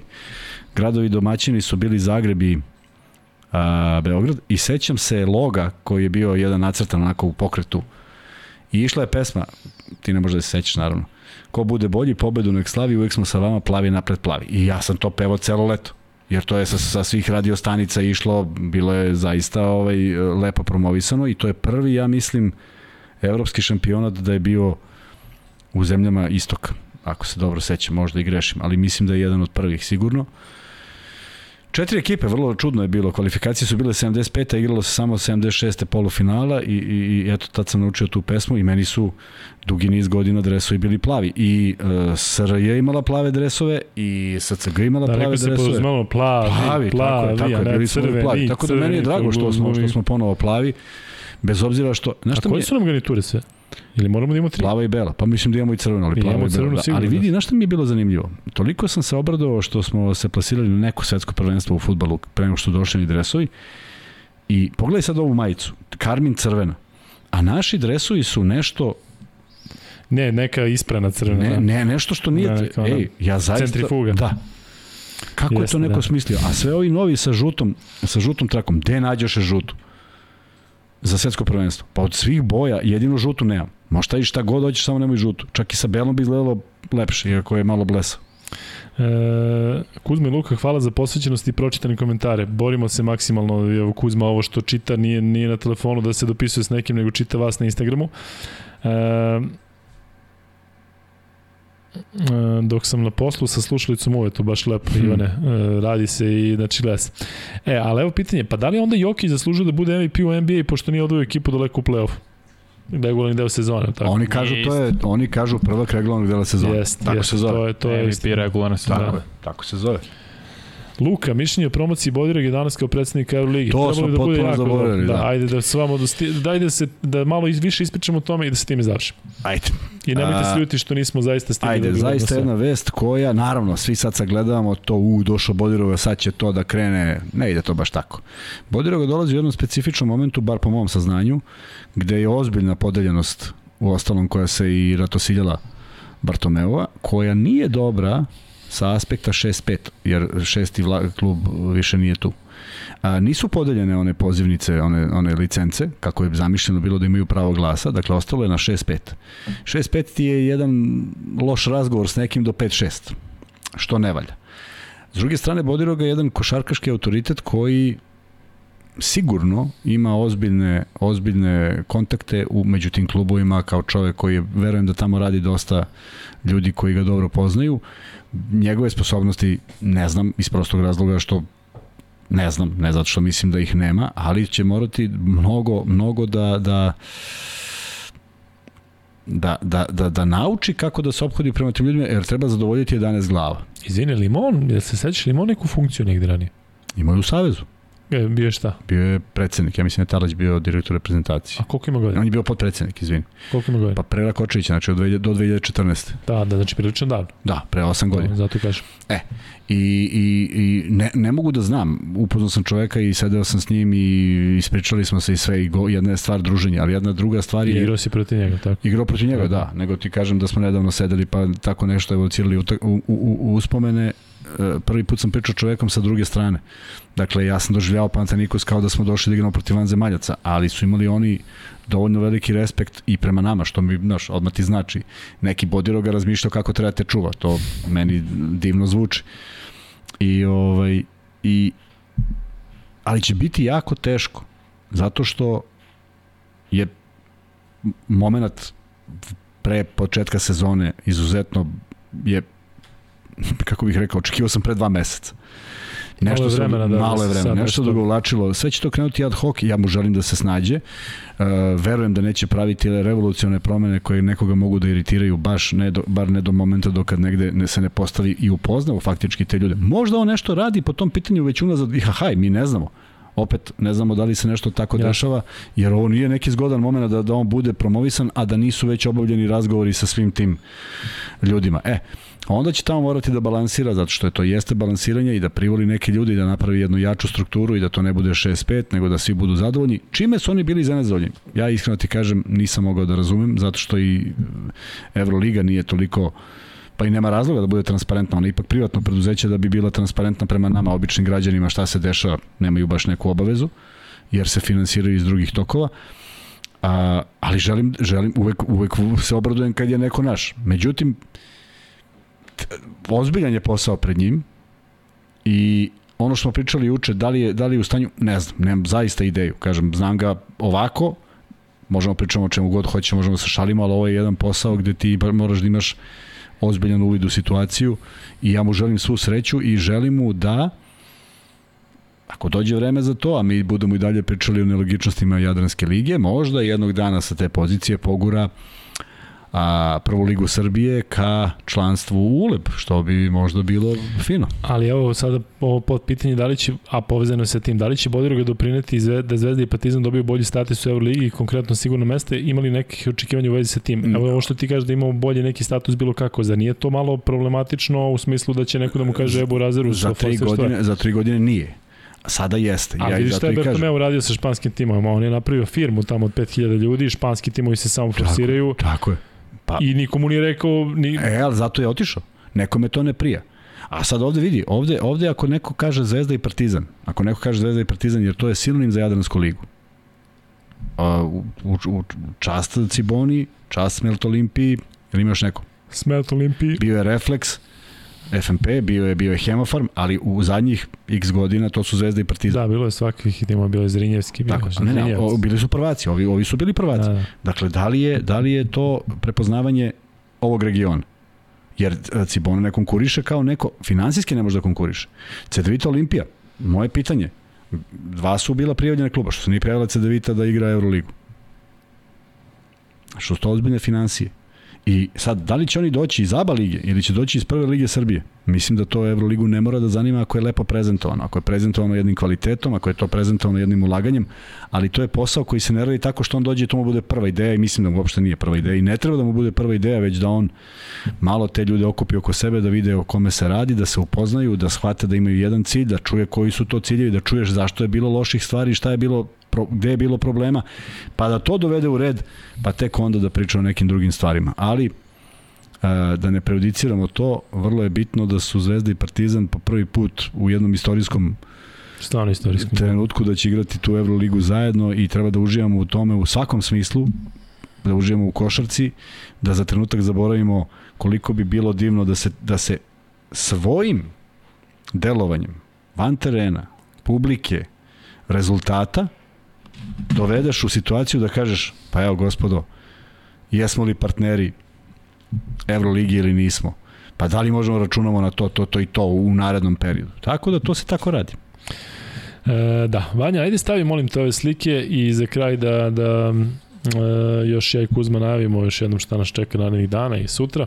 Dakle, ljudi, molim vas, usvojite ovog psa. Dakle, ovaj pas, e, kako vidimo desno, to je nada, dakle, to je bio pas za borbe To je pas koji je bio poražen u borbi pre mnogo godina i bio je bačen sa strane na ulicu da umre i spasili smo ga i oporavljao se tri godine i sada je najdobroćudniji pas na planeti Zemlji, jako uplašen zato što smo, zašto je čovjek od njega napravio e, traume za ceo život, ali pas sa najviše ljubavi na svetu, daješ ako ima neke slike vanje.